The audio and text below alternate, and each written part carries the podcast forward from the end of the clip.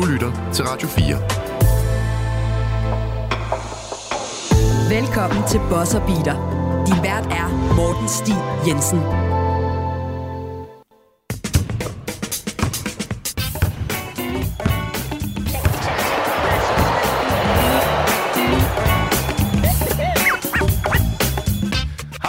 Rigtig hjertelig velkommen til denne Bosser Beater Special. Mit navn det er Morten Stig Jensen, og i dag der skal vi snakke om den komplicerede, måske er det bedre ord, komplekse superstjerne øh, i NBA. Og hvis der er nogen, der tænker, hvad pokker indebærer det, jamen så skal vi nok komme frem til det, fordi det her det bliver øh, en to timer special, hvor vi faktisk går og kigger lidt på konceptet af en stjerne, øh, og hvor vi går ind i spillerbeskrivelser, vigtighed, hvad man egentlig skal kigge efter øh, på lang sigt, hvis man er en, en rebuilding franchise. Og for at hjælpe mig igennem det, så har jeg Daniel Hægt ved siden af mig. Velkommen til, Daniel. Mange tak, Morten. Vi øh, bliver nødt til at starte et sted. Og, øh, og grunden til, at jeg, jeg valgte det her emne helt specifikt, eller rettere sagt det, der fik øh, snebolden til at trille lidt, det var jo selvfølgelig de øh, trade-rygter, der nu er begyndt at, øh, at, at, at komme lidt ud af posen omkring Trey Young i Atlanta. Jeg var på Malta her den sidste uge. Jeg kom hjem her i morges, og jeg kunne ikke lade være med sådan at tænke på, da jeg så de rygter der. Sådan, så gik jeg rundt der i, i den dejlige sol og tænkte, okay, der er et eller andet her. Altså, der er, der er et emne, og der er et eller andet, der ligger dybere. og Jeg kunne ikke rigtig finde ud af, hvad det var. Og så sidder jeg øh, i flyet, så, så, så klikker den. Og det er simpelthen, at vi har så meget fandens talent i, i ligaen nu til dags. Det har vi to jo også snakket om mange gange før. Ja at det har været meget svært ligesom at separere det. Sådan, så snakker vi superstjerner, der er lige pludselig 30 superstjerner lige igen. Hvad pokker er det? Og, øh, og, og det vi faktisk skal snakke om nu, det er en spiller som Trey Young, som jo er på mange måder en MVP-kaliber talent i hvert fald, men ikke nødvendigvis en MVP-kaliber spiller. Ja, ja det, det lyder lidt mærkeligt, men, øh, men, men jeg tror, hvis man tænker lidt over det, så giver det super god mening. Øh, fordi Altså på tilfældig aften, der kan han jo gå fuldstændig amok, men han kan også være lige så anonym og ineffektiv den næste aften. Så det er det her med, at på hans bedste, der er han altså exceptionelt dygtig, mm-hmm. men, men det, der er for meget, det svinger for meget, og der er for langt mellem snapsene. Ja, og, og grunden til, at vi tager ham frem, det er ikke for, at vi skal kritisere ham. Det er for faktisk at tage en oprigtig analyse af situationen i NBA, som den ser ud lige nu, hvor vi skal prøve at finde ud af, okay, kan man vinde med, med spillere, som der lige er nippet under? Handler det meget om rosterkonstruktioner? Og inden vi faktisk går i gang med Trae Young og, og hans uh, trade-rygter, så vil jeg jo bare lige smide navn derud, fordi det var den spiller, han blev sammenlignet med, inden han kom ind i draften. Det er jo Steph Curry. Ja. Fordi så vil mange jo sige, jamen okay, Steph Curry vandt jo et mesterskab. Det, eller han vandt fire. Ja, det gjorde han. Men samtidig kan vi heller komme udenom, at han spiller meget anderledes. Han er aldrig specielt bolddominerende. Nej. Han kan fungere off-ball. Han har også haft nærmest det perfekte supporting cast gennem hele sin karriere. Ikke også? Altså, han er den bedste skytte i historien, og den næstbedste skytte i historien var hans backcourt-partner. Jo, jo, han vinder fire mesterskaber, øh, og så i godsøjne kun én finals MVP. Det burde nok have været to, men, øh, men, men det siger også, at han har haft et hold til, til at bygge op. Der var lige en Kevin Durant, ja. Ja. Præcis. Og, og, og så hans situation, synes jeg er svær at ligesom smide ind over Trey Young. Fordi Enig. det er bare ikke det samme. Så Trey Young er nok i en lidt mere traditionel situation, i at han er den klokkeklare stjerne i Atlanta. Man har valgt at bygge rundt omkring ham, og man kommer bare ikke videre. Det gør man ikke. Altså, det, det her er et hold, der virkelig ikke øh, er særlig godt. Nej, og jeg synes jo, en sammenligning med Steph Curry, den, den er for svær. Jeg synes, Damian Lillard, da han var i Portland, den sammenligning kunne jeg bedre lide. Jeg ved godt, deres spilstil er, er noget forskelligt stadig, med den her mindre øh, point guard, der virkelig kan ramme udefra mm. og, og sætte en masse point på, på tavlen, men måske ikke er den bedste forsvarsspiller. Øh, ja, og som, så kan man sige, som har haft svært ved at gøre det hele alene. Og, det er netop det, som der kommer til at være meget af det her med trade-samtalen, for det virker til Atlanta, og det her det er ifølge Mark Stein, der var hans Substack, ligesom gik ind og, og, og, og skrev om det her. Det, det virker som om, at Atlanta ligesom er kommet til sådan et punkt, hvor de siger, okay, prøv at høre, det virker til, at vi ikke rigtig kommer længere med ham her. Vi bliver nødt til at vælge mellem ham og Deontay Murray. Og det virker ikke til, at de nødvendigvis har taget en beslutning, men de overvejer det. Og bare det, at de overvejer at vælge imellem dem, ja. betyder jo per automatik, at Young ligesom er, hvad skal man sige, ikke 100% fastlåst Nej. som deres fremtidige stjerne.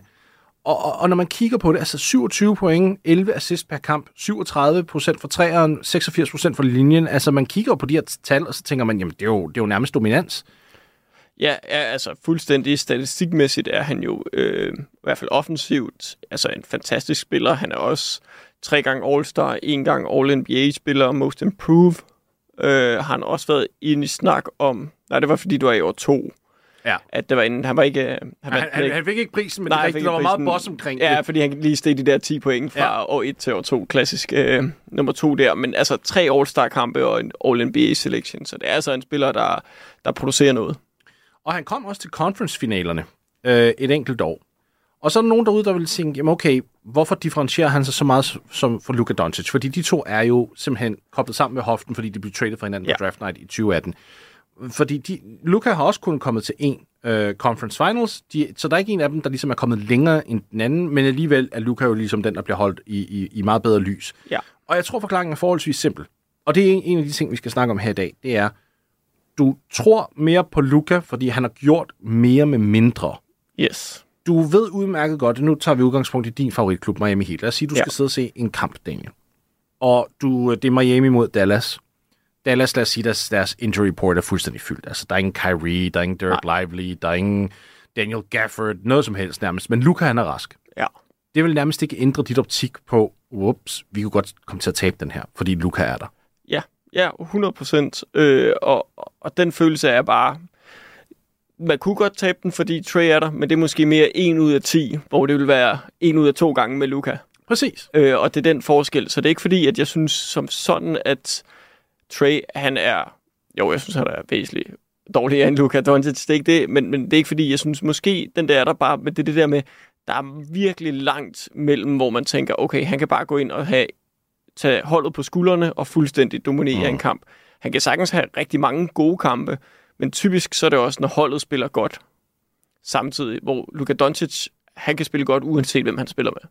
Ja, hvis, hvis Luka gik ind og havde Atlantas roster, vil han også nå længere. Og det er, den, ja. det er jo den her præmis, vi sidder og kigger på, fordi Atlanta har faktisk gjort et forholdsvis godt arbejde med at bygge op omkring Trae Young. Og, og, og altså, de har fundet der big man, de har fundet dybde på big man-pladserne, de har masser af Yes. wings, de har spillere, der kan skyde udefra, de har sekundære ballhandlers, de har ligesom det hele, og alligevel så bliver man bare ved med at kigge på Atlanta, der ikke kommer videre. Hvor Ja. man til et eller andet tidspunkt bare bliver nødt til at stille det store spørgsmålstegn, og det er, er det fordi, at vores stjerne simpelthen ikke er, er dygtig nok eller indflydelsesrig nok? Og, og jeg synes, det kan være hårdt. Vi har pillet Trae Young en lille smule ned her på det her program, og det vil jeg den første til at indrømme. Og det er ikke fordi, at jeg er sur på ham eller noget som helst, men det er fordi, man bliver så frustreret, når man yes. ser ham spille. Og, og, og jeg tror, det er der, når vi kritiserer spillere øh, her på, på Boss Beater, så er det ikke fordi, at vi hader dem eller ikke kan lide dem. Så er det fordi, vi sidder og tænker, ah, du kan mere. Ja. Det er de spillere, vi aldrig snakker om, der egentlig burde være bekymret. Ja. Fordi dem er vi nærmest ude på. Ikke? Nogle gange kan vi godt lige dedikere noget tid til Jordan Poole. Fair nok. Ja, Men ham har vi ikke rigtig nogen forventninger til nu op i det her luftlag, for eksempel. nej, præcis. Øhm, men, men med Trae Young, der tror jeg, forventningerne er bare højere. Og han, han indfrier dem ikke. Og det er derfor, vi skal sidde og snakke nogle trade. Yes, og jeg tror, at jeg tror, det, det er bare, jeg tror ikke, han nogensinde skal være en nummer et spiller Mm-hmm. øh, på et hold. Jeg tror, at han til gengæld kan være en exceptionel, ubehagelig nummer to spiller. Altså, der virkelig bare kan være den værste modspiller at møde, fordi han kan nemlig bare score 30 point per kamp uden hjælp. Øh, altså, fordi han bare han kan Ja, han gør det selv. Han, ja, præcis. Han gør det selv. Han behøver ikke blive sat op, samtidig med, at han kan smide 10 assist. Så hvis han bare har en nummer et stjerne, der kan, kan man sige, tage lidt mere øh, fokus og, og især lidt mere defensiv øh, arbejde ind, så tror jeg virkelig, at han kan gå ind og være en spiller, hvor man bare tænker, han har havnet det helt, helt rigtige sted. Lidt samme fornemmelse har jeg også med Jalen Brown. Det her med, at han er en perfekt nummer to spiller. 83-58 Minnesota. Trey stops the three-point line and connects. Single-handedly trying to bring the Hawks back.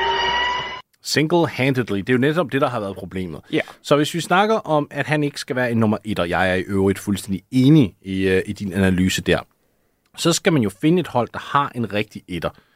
Det er svært at finde, når at en spiller som Trae Young sidder og snitter netop 27 og 11, fordi han skal have bolden i hænderne for at yes. være produktiv. Han er jo ikke en spiller, der er vanvittigt inclineret til at gå hen og være en off-ball-spiller. Det vil Nej. så sige, du skal helst parre ham med en center, eller en alsidig wing, eller en, du ved, all-star, eller undskyld, MVP-kaliber power forward, Yes. som Giannis Antetokounmpo.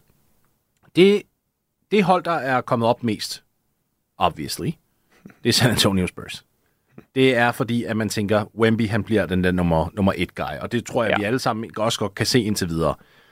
Og så er ideen, smid, smid Trae Young ind der, fordi så får, får Wemby lobs all day long. Yes. Han kommer til, det kommer til at være så meget nemmere at få ham ind i scoringspositioner og alt det her. Og, og det er det, du, jeg tænker, du også argumenterer for. At Trae Young Ja. som spiller skal ind i en rolle, hvor han er mere en facilitator, end han er en do-it-all-spiller. Ja, jeg er meget enig. Jeg havde to navne øh, i hovedet, hvor jeg tænker, at han kan ikke komme hen til en bedre spiller. Wemby er den ene, og den anden er for mig Anthony Davis. Og det er fordi, at i hvert fald på den offensive del af gulvet, der tilbyder de, øh, de lidt af det samme med, at de er nemlig den her nummer et spiller, der, godt, der bedst kan lide at arbejde tæt på kurven, som giver pladsen ude fra kurven til, mm. men også begge to spillere, der godt kan træde ud og skyde øh, samtidig. Og så er de dominerende forsvarsspillere. Og det er det, der er brug for. En stor spiller inde ved kurven, så Trey ikke bliver udstillet lige så meget, som, øh, som han ellers normalt vil gøre. Så, så det, altså, det vil være, jeg, jeg tror, han vil være virkelig god i Spurs, hvis han kan indse, at han er nummer to. Der må vi jo så også bare anerkende, der ligger en yderligere udfordring i vores planer her. Nu nævner vi Wemby, og vi nævner AD. Begge to er jo big men, og det er jo som regel ikke big men, der har bolden i hænderne i slutfasen af kampen. Det er jo som regel big men, der skal sættes op. Ja. Og, og vi må anerkende også, Anthony Davis viser at være meget bedre i en nummer to-rolle end nummer et. Så hvis det er ham med Trey, så vil jeg være forholdsvis bekymret over, hvem der egentlig ender med at være den reelle nummer etter der. Uh, Wemby er nok lidt anderledes, fordi han, han dribler mere, han er lidt mere distanceorienteret. Helt enig. Um, men, men jeg sidder samtidig også og tænker over nogle andre aspekter af Trae Young, som vi bare bliver nødt til at inkludere her. Og det er, der er jo meget, meget larm omkring ham som leder, som Ja. holdkammerat. Han vil gerne være nummer et. Det Uden er hans tvivl. mission. Og, og, og det, det tror jeg også mudder vandet en lille smule for en potentiel trade. Fordi Meget. så sidder vi og kigger på en situation, hvor Trae Young måske kommer til San Antonio, og så tænker, nå okay, nu skal jeg bare være the man her. Yes. Og mit job, det er at være det her omnipresent offensiv spiller. Ja. Og så Wemby, han er, han er mit lob target, hvilket yes. Yes. nok ikke sådan, man skal kigge på det. Nej, så går han i hvert fald hurtigt ud igen, hvis det er sådan, han, øh, han spiller. Ja, det, og det gør man jo nærmest ikke, fordi at den kontrakt, han sidder på, og hvis han lige pludselig skulle rykkes videre efter en indledende trade, hans trade-værdi vil falde helt vildt, hvis det ikke går øh, det nye sted. Ja, og jeg tror også, at den her personlighed, der er omkring ham, og hans, øh, ja, kan man sige, mentale holdning til ham selv, og så videre, det gør også, at hans værdi er væsentligt lavere, end hans produktion er. Fordi jeg tror, der er rigtig mange hold, der er bange for at smide meget efter ham.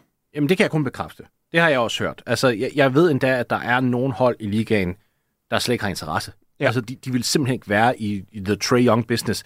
Og, og igen, det lyder som om, vi, har, vi hakker ned, men, men det er ikke det, der er pointen, fordi han er jo netop et talent af Guds nåde. Det, Ja. det må vi bare... Vi kan ikke komme uden om, hvor dygtig han er, hvor indflydelsesrig han kan være offensivt i hvert fald. Defensivt, Nej. der må vi bare sige, prøv at høre, et, et, et konstant negativ. Ja. Han kan være bedre en gang imellem. Jeg synes også, at jeg har set nogle takter en gang imellem, hvor at han er blevet bedre til at forudse nogle plays. Han er blevet bedre til at læse Yes. vinkler. Fair nok. Men han er stadigvæk 6 fod 1 på en god dag, skal Ja, jeg lige hilse med sko sige. på i hvert fald. Med sko, med sko på. Og, og vejer hvad? 70, 75 kilo deromkring. Ikke? Det, Jo. det er ikke meget. Uh, så han bliver nemt skubbet rundt, og han bliver taget i posten af større guards. Og sådan. Det, det er ting, vi aldrig rigtig kan komme over. Han, han er begrænset, altså simpelthen fysisk. Ja. Så han skal være på et eller andet plan den her meget, meget dynamiske offensivspiller. Helt sikkert. Det bliver nødt til at være. Han kan Ja. ikke overleve uden. Han, han skal være en spiller, der ligger i de høje 20'ere og snitter de her 10 plus assists per kamp. Og der har jeg nok svært ved at se, kan man forene det med at være en, en sekundær option? Det tror jeg egentlig godt, man kan, hvis man ikke tænker, at den primære option skal være produktionsmæssigt Mhm. den, der laver mest. Øh, jeg snakkede med Jonas Skåning øh, om det her, også med Trey Young, og hvor han skulle hen og så videre. Og der øh, bragte jeg øh, Brooklyn Nets på banen som lidt sådan en Uh. outside-klub, fordi at der vil han være offensivt the number one guy, Ja. men Michael Bridges vil alligevel, altså produktionsmæssigt vil han være number one, men Michael Bridges vil alligevel være den bedre spiller Ja. overall.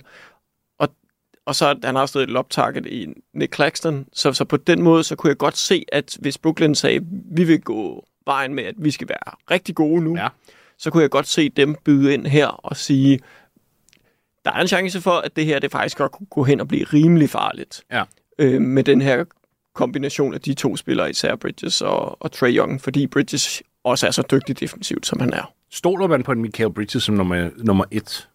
Og det, det er det, vi- Brooklyn virker til, at de, at de, de, at de jo gør i hvert fald. Men de har Øh, altså også lige for en time siden fyret deres cheftræner. Ja, ja det læste jeg godt på vejen herind. Øh, Så det er også bare sådan lidt... Øhm, men jeg kan godt lide, jeg kan godt lide ideen. Jeg, jeg tror faktisk, jeg fatter, hvad du siger, fordi Ja. det, det, er lidt, det er lidt som om, det kommer ned til det her Kawhi, James Harden ting, som jeg har snakket om i mange år efterhånden. Det her Ja. med, vi kommer til at altså vores børnebørn en eller anden dag kommer til at kigge på statistikken. De kommer på Basketball Yes. Reference. Så sammenligner de James Harden med Kawhi Leonard, og så siger de, åh, oh, James Harden er den meget bedre spiller. Prøv lige at se ja. alle statistikkerne. og så sidder vi andre, der har set dem spille og griner lidt. Ja, altså, det, fordi vi, vi ved, James, James Harden er bare ikke bedre end Kawhi Leonard. Han har aldrig rigtig været det. Nej, på ingen måde. Ka- Kawhi er simpelthen mere indflydelsesrig, til trods for, han aldrig har haft den der øh, sekundære statistiske styrke. Du ved, Trey har scoring og playmaking. Ja. Øh, sammen med, med, med Harden også faktisk. Yes. Men Kawhi, der var det altid de her 24-25 point, 5 rebounds, 4 assists, og måske lidt flere rebounds i gang imellem. Ja. Men så var det forsvaret. Ja, ja, præcis. Så var det to og et halvt blok, og, eller to, to og et halvt assist af steal, øh, og måske et blok per kamp. Men, men, men man ser jo ikke meget af, af forsvaret i statistikkerne. Nej, præcis. Og, og, og det, jeg prøver at sige, det er, nu til dags, der forventer vi, at en spiller har minimum to statistiske dominanceområder, ikke også? Eller Jo. Janis, altså for eksempel, ikke også? Altså, det, det er point, og det er rebounds, Yes. såvel som det geniale øh, forsvar. Så dem, der måske ikke har forsvaret, Nikola Jokic, der forventer du, at han Ja. er genialt scoringsmæssigt, playmakingmæssigt og på glasset. Altså, Yes. så, så det er lige pludselig blevet atypisk at have en spiller som Kawhi, Ja. som der måske ikke har den der sekundære styrke, men den er, altså det forsvar selvfølgelig, der er det, Ja. men, men statistiske styrke. Men han er faktisk en af de mest indflydelsesrige spillere i hele verden. Præcis. Hvor at Trae Young derimod har statistikkerne, men mangler indflydelsen. Og, og, og vi, jeg bringer det her på banen for ligesom også at illustrere, at spillet har, har ændret sig markant. Ja. Vi kigger på en liga nu med så meget stjernetalent. Øh, Og en All-Star-kamp, der sluttede her i går, hvor der blev scoret næsten 400 point. Og det er ikke fordi, bror, det var, det var ikke fordi, det var en god All-Star-kamp. Det er ikke det, jeg sidder og argumenterer for. Men, men mængden af shot, altså kvaliteten, retter, af Ja. shotmaking nu dags. All-time high. Fuldstændig. Og derfor tror jeg også, vi bliver nødt til at tage en spiller som Trae Young, og vi skal også snakke om nogle andre spillere øh, senere i programmet, som der kunne falde ind under den her samme lidt komplicerede kategori her. Ja. Og vi skal, prøve, vi skal prøve at tage de her spillere, og vi skal prøve at finde den et, et, et, hjem, øh, eller en kategori, eller en kasse, vi skal lægge den ned i. Yes. Og, og Daniel, når du sidder og kigger på de her spillere, en Trae Young, og du sammen, samtidig også kigger på en Kawhi, eller en Jimmy Butler for eksempel. Ja, jeg synes også, han er, han er fin at tage, tage ind i den. Fordi ja. jeg synes jo faktisk, at Jimmy Butler og Kawhi Leonard minder om hinanden. Ikke at de er lige gode overhovedet, for det, det, det skal jeg nok være den første til at sige, det er de slet, slet ikke. Øhm, men, men de er de her spillere, som er superstjerner uden at være statistiske stjerner. Ja. Og jeg tror, at i dag, der er det i NBA blevet meget, meget nemmere at være en statistisk stjerne. Fordi at der er højere pace, der er flere boldbesiddelser, der er flere skud, der er flere, der kan ramme træer, det giver flere point.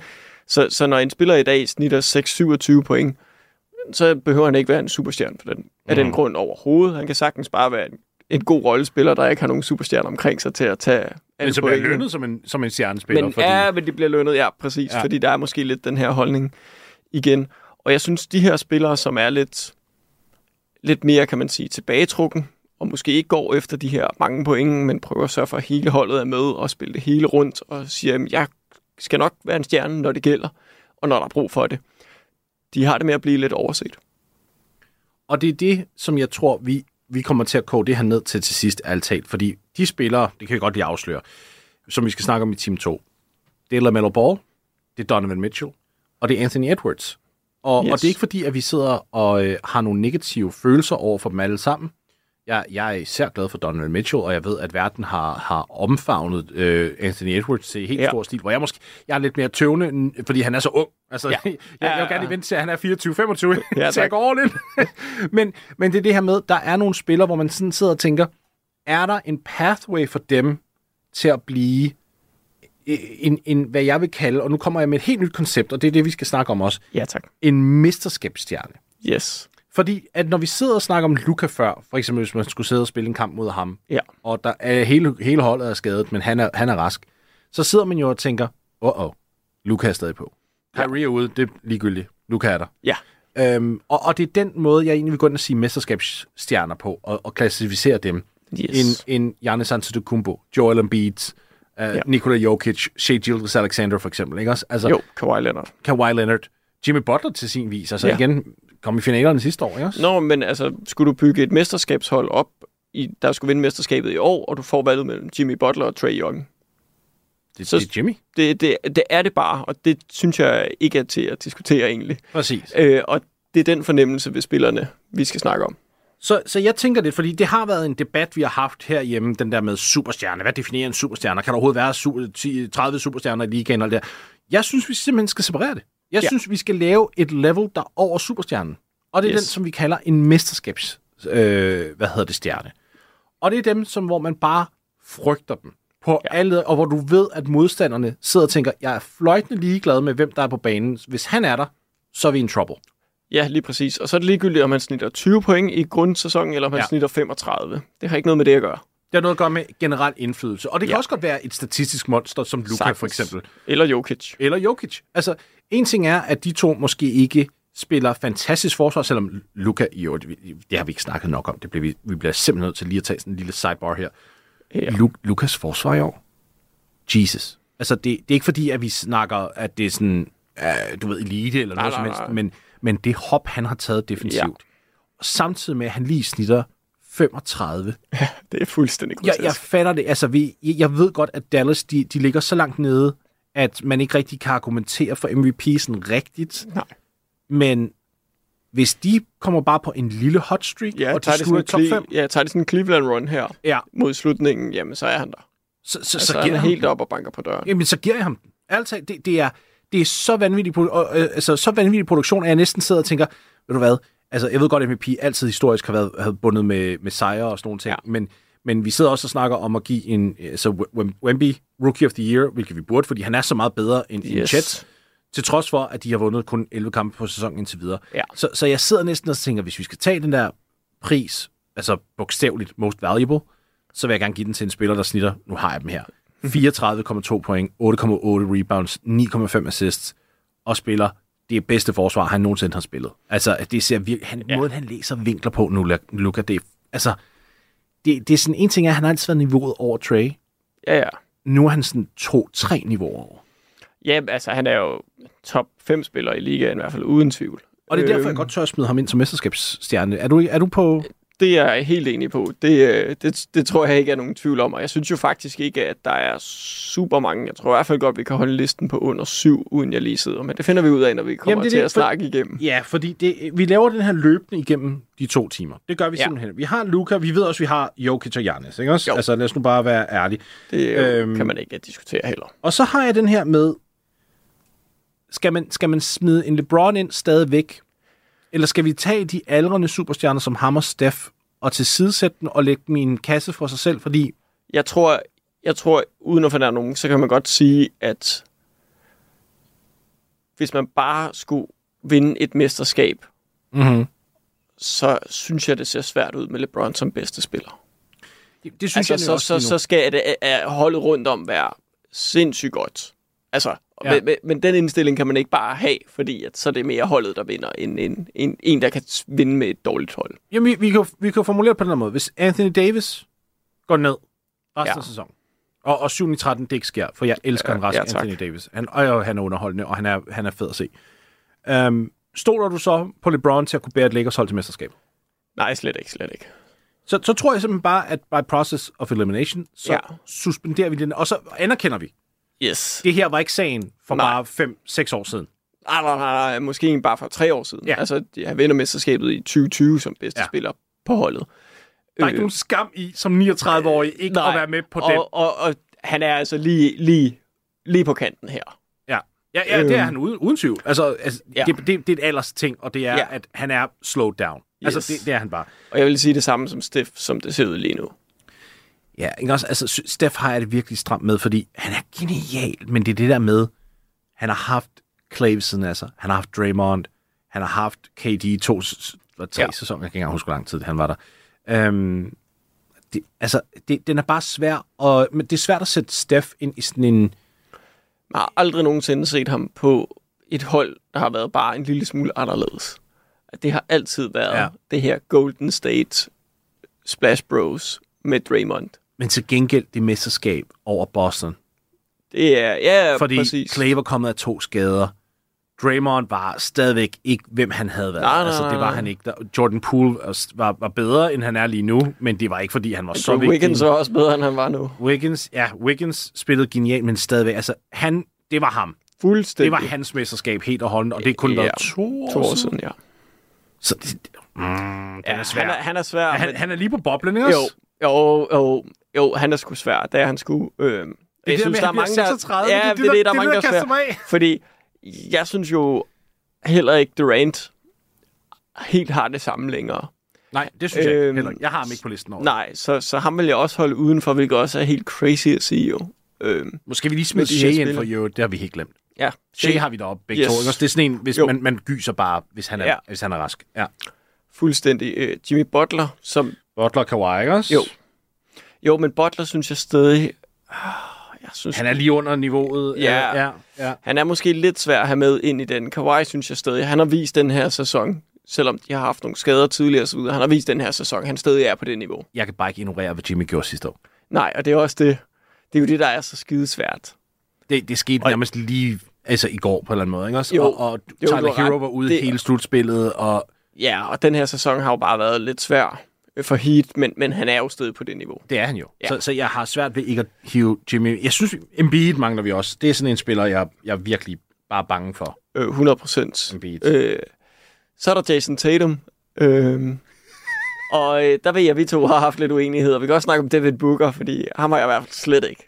Jamen, jeg, jeg Øh, elsker Booker, men jeg har ham heller ikke, og jeg har heller ikke Tatum på jeg har her. heller ikke Tatum. Nå, okay, jeg troede lige, vi skulle til. Nej, nej, nej, nej. Jeg, har, jamen, jeg, jeg, jeg elsker Jason Tatum. Det gør men jeg også. Men jeg, hvis jeg sidder der og ser, okay, på Sinkes er ude, Jalen Brown er ude, Ja. og Tatum er der, så sidder jeg ikke ryster i bukserne. Nej, nej, nej, præcis. Det gør jeg heller ikke. Men, men jeg vil sige, Tatum han er tæt på. Ja, jo, jo. I forhold til Trey og så Vi videre. kunne så tage han...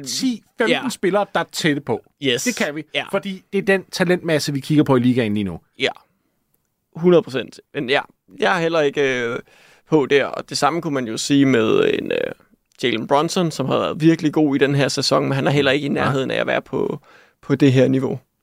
Så vi kigger lige nu på Luka, Jokic, Giannis, Shea, Butler, Kawhi, Embiid. Og Butler i sig selv er også svær, fordi Ja. det, det er fordi, han er simpelthen så læng, langt længere nede statistisk end alle de andre. Yes. Så når folk sidder og lytter til det her program, så er Jimmy Butler, men det er bare, han, han påvirker sejre.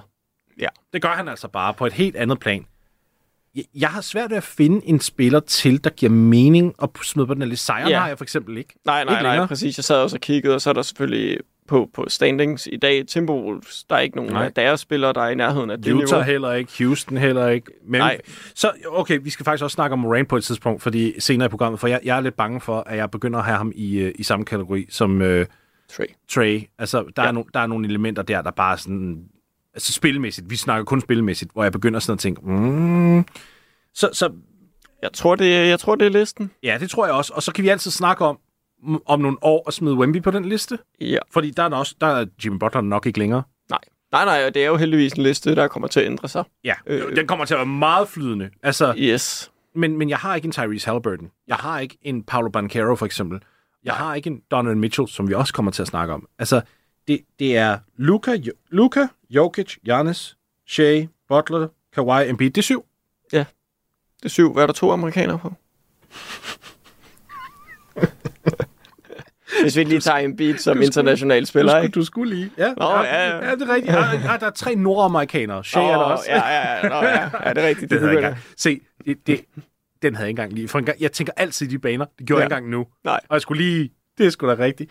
Men det er det her, vi, skal, vi faktisk øh, skal prøve virkelig at, at, at, at finde ud af. Så fordi nu har, Ja. vi, nu har vi lige lavet vores lille etablering af den her nye kategori, vi har lavet, der hedder mesterskabsstjerner. Yes. Mesterskabsstjerner skriver vi her på papiret. Så er det et niveau under. Og det er her, jeg tror, at vi skal placere spillere som Trey, som Donovan Mitchell også. Det er her, der er rigtig mange All-Star-spillere, der kommer Ja. ind. Præcis. All-Star-spillere, som, som måske ikke kan være den der, du ved, do-it-all championship-level spiller. Ja, det, og jeg synes jo, den her... øh, Og jeg synes jo faktisk, hvis vi ser på de spillere, der er på den her mesterskabsstjerneliste, så er det spillere, vi forventer på et All-NBA første hold. Det kan godt være, at jeg har ikke plads til dem alle. Men Men så det, skal vi ikke have trade der. Nej, altså på, den, øh, på mesterskabsstjernen. Nå, undskyld. De spillere, Ja, vi har undskyld. på den liste der, Yes. det er jo også spillere, vi forventer, der Ja. kommer på første holdet. Der er ikke altid plads til dem alle sammen, men det er Nej. spillere, hvor det er også den forventning, man har. Hvor at niveauet under, det er dem, man tænker, de kan godt komme på et All-NBA tredje hold, de Mhm. mm-hmm. bliver en garanteret All-Star. Deres hold skal nok klare det nogenlunde godt, de skal nok producere meget, de er vanvittigt dygtige, de er for det meste den bedste spiller på deres hold. Det er dem, man skal lægge ind her. Og så i niveauet under, der må man jo have Davis, Bronson, alle dem her, Tatum. Ja. Altså, det, og det er næsten lige før, vi skal placere Trey i niveauet under dem. Fordi hvis jeg skal sidde der og sige Anthony Davis, Jason Tatum og Jalen Brunson, bare som de indledende Ja, tre der har spillere, man ikke Trae Young. der har jeg ikke Trey. Nej. Og, og, og grunden til, at vi bliver ved med at have på det her med Trey, det er, fordi jeg synes, han er en eller anden form for litmus-test her på det her. Altså, det. Ja. han er så inter- interessant en case study. For når du yes. kigger på ham, og når du ser den produktion, han gør, han, han spiller jo så fandens indflydelsesrigt. Altså, når det kommer til den offensive side af bolden. Ja.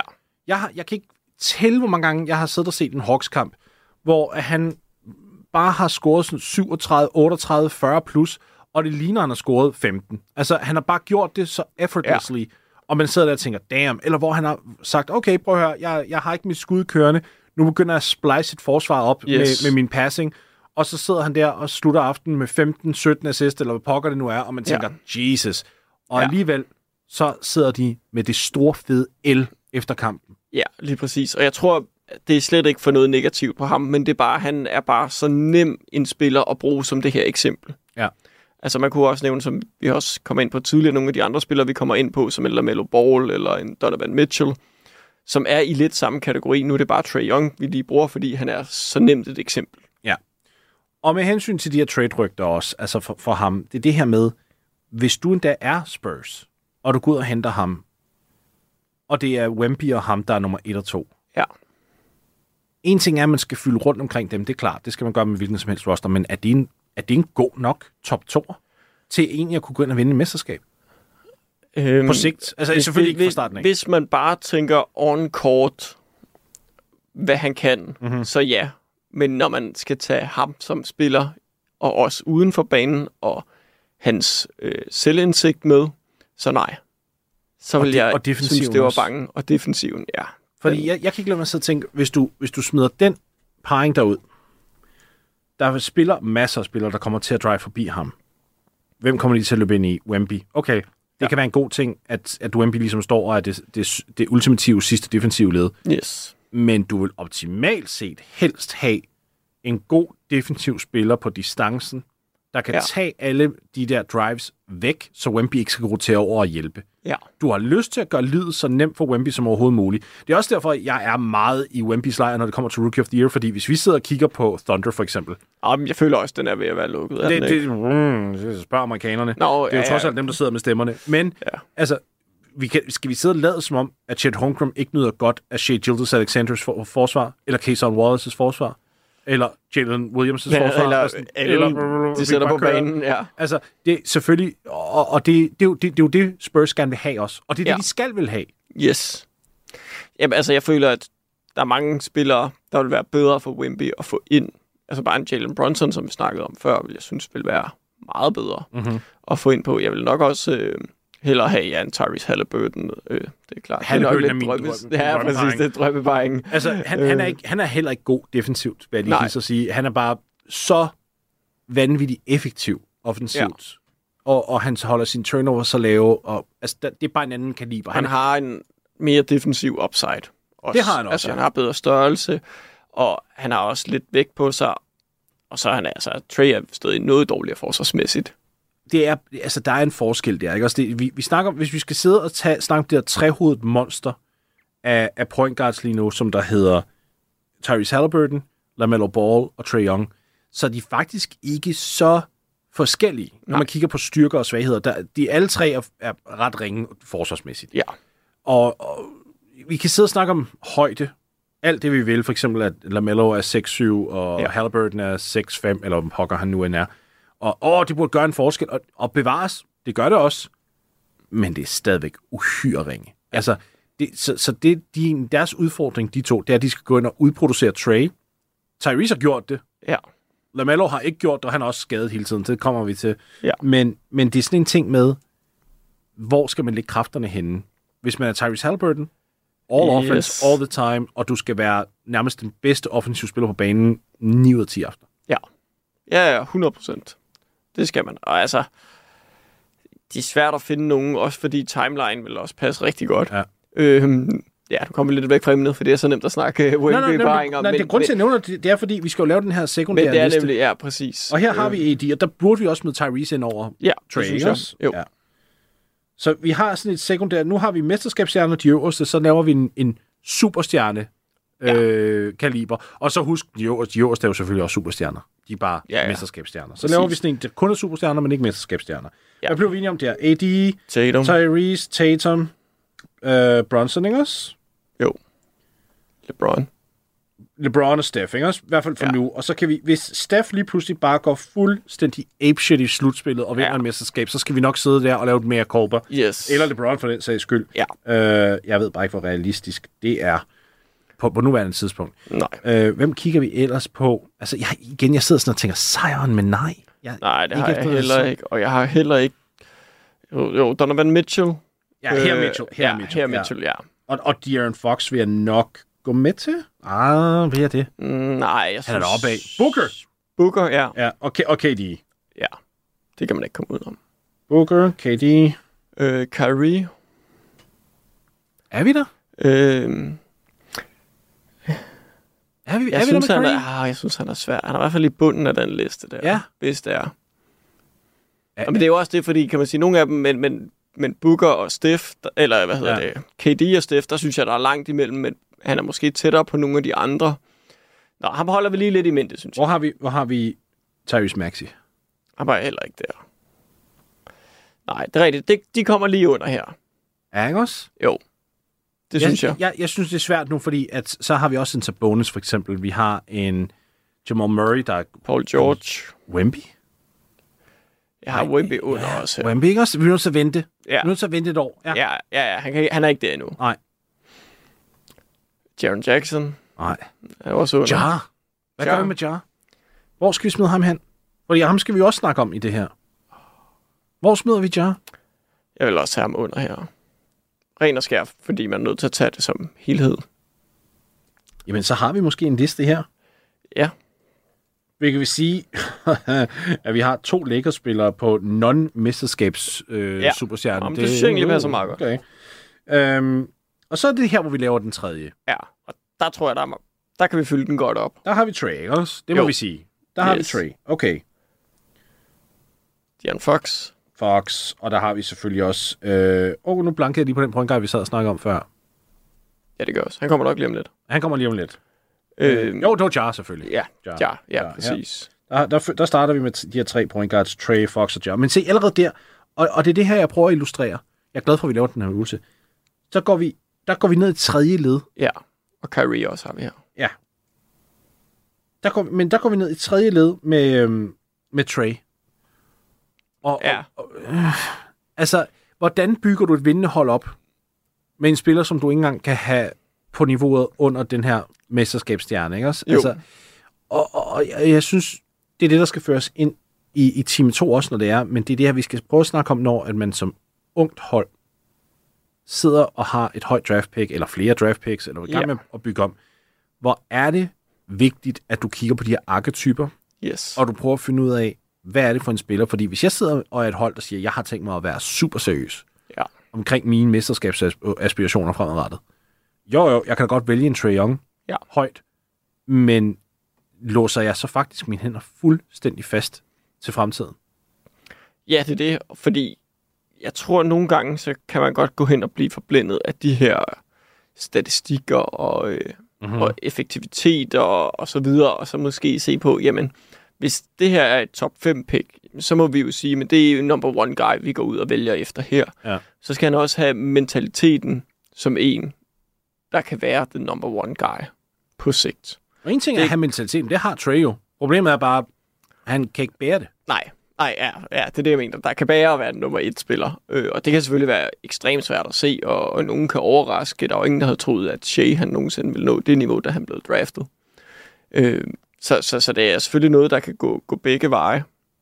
Øh, men, men det er det, der er svært ved at bygge op, og det er derfor, de fleste spillere i dag skal være så indflydelsesrige at sige, jamen, de kan dominere spillet fuldstændig. Alt bliver taget i deres fokus, når de spiller. Altså, der er ingen, der ser en kamp, og så mm-hmm. ser Luka, altså han styrer kampen. 100 procent. Ja. Han har i så meget kontrol, og det samme med Shea eller Jokic. Altså, der, den kontrol, de har over kampen, det er bare svært at beskrive på statistikker eller noget. Hustle here by Concho. Tyus Jones in. Durant, and the Grizzlies have their first lead of the game.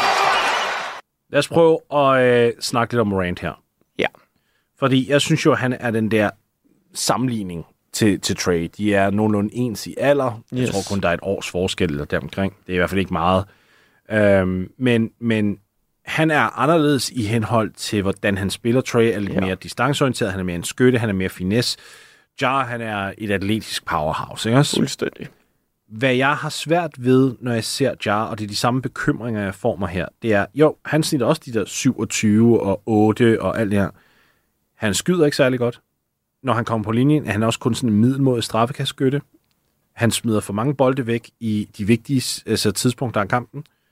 Hans beslutningsprocesser er også meget ofte manglende, vil jeg sige. Altså, og nu snakker jeg kun ja. på banen. En ting ja. Er, hvad der han gør væk fra banen. Det er fandme også manglende. Ja, Ja, ja. Men, men jeg snakker på banen. Forsvaret ligeledes er forbedret, bevares. Ja. Men ikke til et punkt, hvor vi sidder sådan og tænker, nej, hvor er det godt. Nej. Så, så er, det, er vi ude i nu, kigger vi på Trey, vi kigger på John Morant, vi skal også snakke LaMelo, Ja. vi skal snakke Donovan Mitchell, at den lille guard, lige meget hvor dygtig den spiller så er, så kommer de bare med et kæmpe øh, læs problemer, når det kommer til rosterkonstruktion. Ja, ja, det synes jeg sagtens, man kan. Og jeg synes, der er meget reelt i at gå ind og se på den sidste, ah, de sidste små guards, der er blevet finals MVP's. Det er Steph. Det er Steph. Det er den Og, eneste. han- og han spiller, lad os nu være, være helt ærlig, han spiller ikke som en point guard. Nej. Han spiller heller ikke som en shooting guard. Han spiller som, som Steph. begge to. Han spiller Ja. som Steph, men han spiller som en, en eller anden form for... Han er en, jeg vil ikke engang kalde ham en combo, Nej, fordi... han er bare en guard. Han, ja, ja, nå, men, men det der med, at han spiller begge to, så kalder man det en combo, og fint nok, men, men han gør det på en måde, hvor han er en elite two guard, og han er en elite point guard, Ja, og så mixmasher han det på en måde, så han spiller ikke som nogen anden spiller har gjort i historien før. nej. Vi bliver bare nødt til at suspendere ham i en eller anden form Yes. for realm, der ikke giver mening. Og det fører mig nemlig til den næste i rækken, som er Tony Parker, Oh, godt navn. som er, er, er nummer to. Og, og, for det er nemlig en sindssygt interessant sag. Men det er igen den her med, det var holdet. Og der havde man alligevel den bedste power forward nogensinde. Mm-hmm. Der også var i sin prime. På samme hold. På samme tid.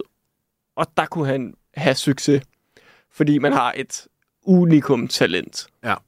på, på samme hold. Og, og derfor kan man sagtens gå ind og få en Finals MVP.